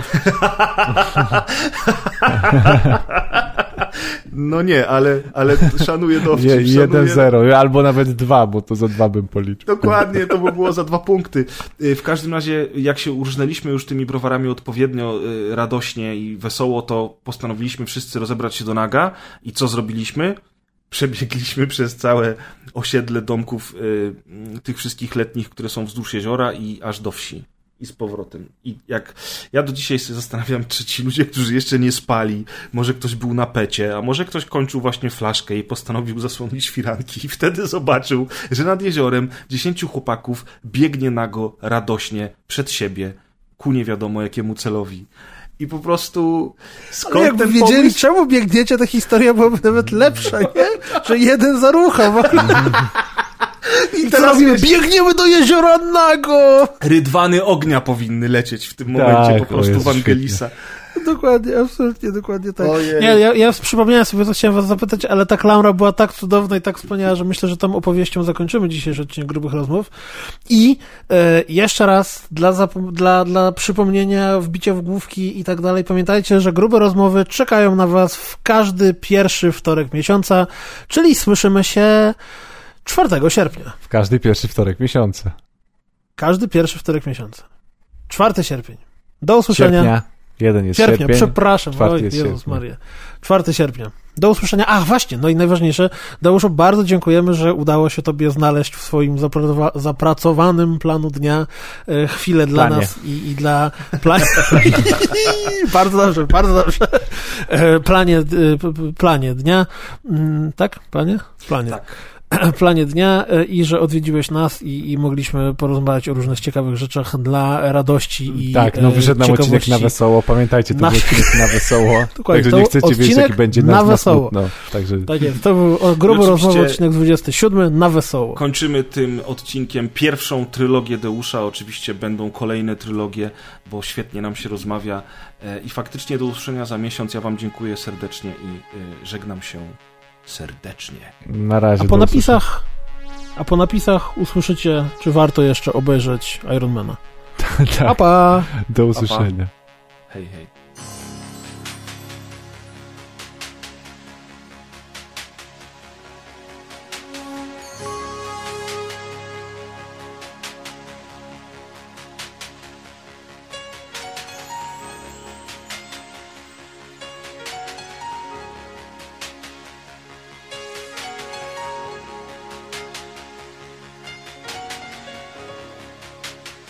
Zaczęliśmy oglądać tego Ironmana i po pierwsze, y, niewiarygodne jest to, że nie wiem, w cudzysłowie, cudzysłowie tylko 12 lat minęło, a ten film graficznie, wizualnie się bardzo zmienił, ale to nawet nie chodzi mi o mm, jakość efektów czy tego typu rzeczy, tylko o to, że e, oczywiście to też jest kwestia tego streamingu, na którym oglądaliśmy go na Rakutenie oglądaliśmy i to było Full HD i różnica pomiędzy filmem Full HD wtedy, a filmem Full HD teraz jest gigantyczna. Cały ek, bo on chyba był upscalowany, bo tak mi się wydaje przynajmniej, on wtedy pewnie wtedy nie był w tej rozdzielczości Ale w jakim sensie gigantyczne? W takim sensie, że jestem przyzwyczajony, że nowe filmy są y, słowo, które mi najbardziej pasuje, znaczy ostre. A ten Iron Man był cały taki, jakby był za lekkim mlekiem. Był. Ale to był... jest kwestia streamingu, ziom. Jakbyś to sobie na Blu-rayu kupił, to uwierz mi, że będziesz miał żyletę. Tak, a to nie jest tak, że. 4K. Znaczy wiesz, bo my, my wszystko oglądamy ze streamingów i w większości tego w ogóle nie widzę. Ja wiem, zależy jaka kopia, to też jest starszy film, ale na pewno jakbyś sobie kupił na płytce, to byś tą jakość miał żyletę. A druga rzecz jest taka, że ten film jest bardzo fajnym filmem. Tak? To- to on jest- się cały czas broni. On się broni bez żadnego problemu. W sumie mogliśmy o tym nagrać rozmawiać. Nie, no, pewnie puścimy to w, e, w ramach bloopersów. W ogóle w tym, na jak coś to na, a propos Marvela, to na Amazonie, na Prime jest cała seria tych y, kreskówek z Marvel Super Heroes, czyli tam masz y, legowe Guardian of Galaxy, legową Black Panther, legowego Black Panther. oglądalne? Y, wa- Właśnie nie wiem, ale dlatego ci mówię, że sobie żebyś obejrzał i, na, i powiesz, czy jest okej. oglądalne. I- Oj Ja- kurczę, ja nie wiem, czy ja nie mam czegoś z internetem, bo jak Deusz mówi, to mi też zaczyna przerywać. Znaczy mi ty przerywasz dla odmiany. Mi Aha, no to super. lekko, Mi nikt z was nie ale nie przerywa. jakoś tak tragicznie, tak do, do No, damy radę. Najwyżej się połączysz znowu. No, to grasz sobie offline po prostu resztę. Dobra. I jeszcze jedno chciałem powiedzieć, że e, Deusz, wy nie macie Amazona. Czy Mamy. macie Prima? Macie Prima? Bo Grzegorz o tym wie, bo to Tomek pewnie polecał. Jeżeli nie oglądałeś, to absolutnie koniecznie warto. Ja wiem, że znalezienie czasu na czterosezonowy serial to brzmi absurdalnie, e, ale nawet jeżeli go rozciągnąć sobie jakoś w czasie, to tam Amazing Mrs. Maisel. czy To teraz oglądamy. Oglądacie to? Ten serial Jesteśmy jest w tak połowie dobry. drugiego sezonu.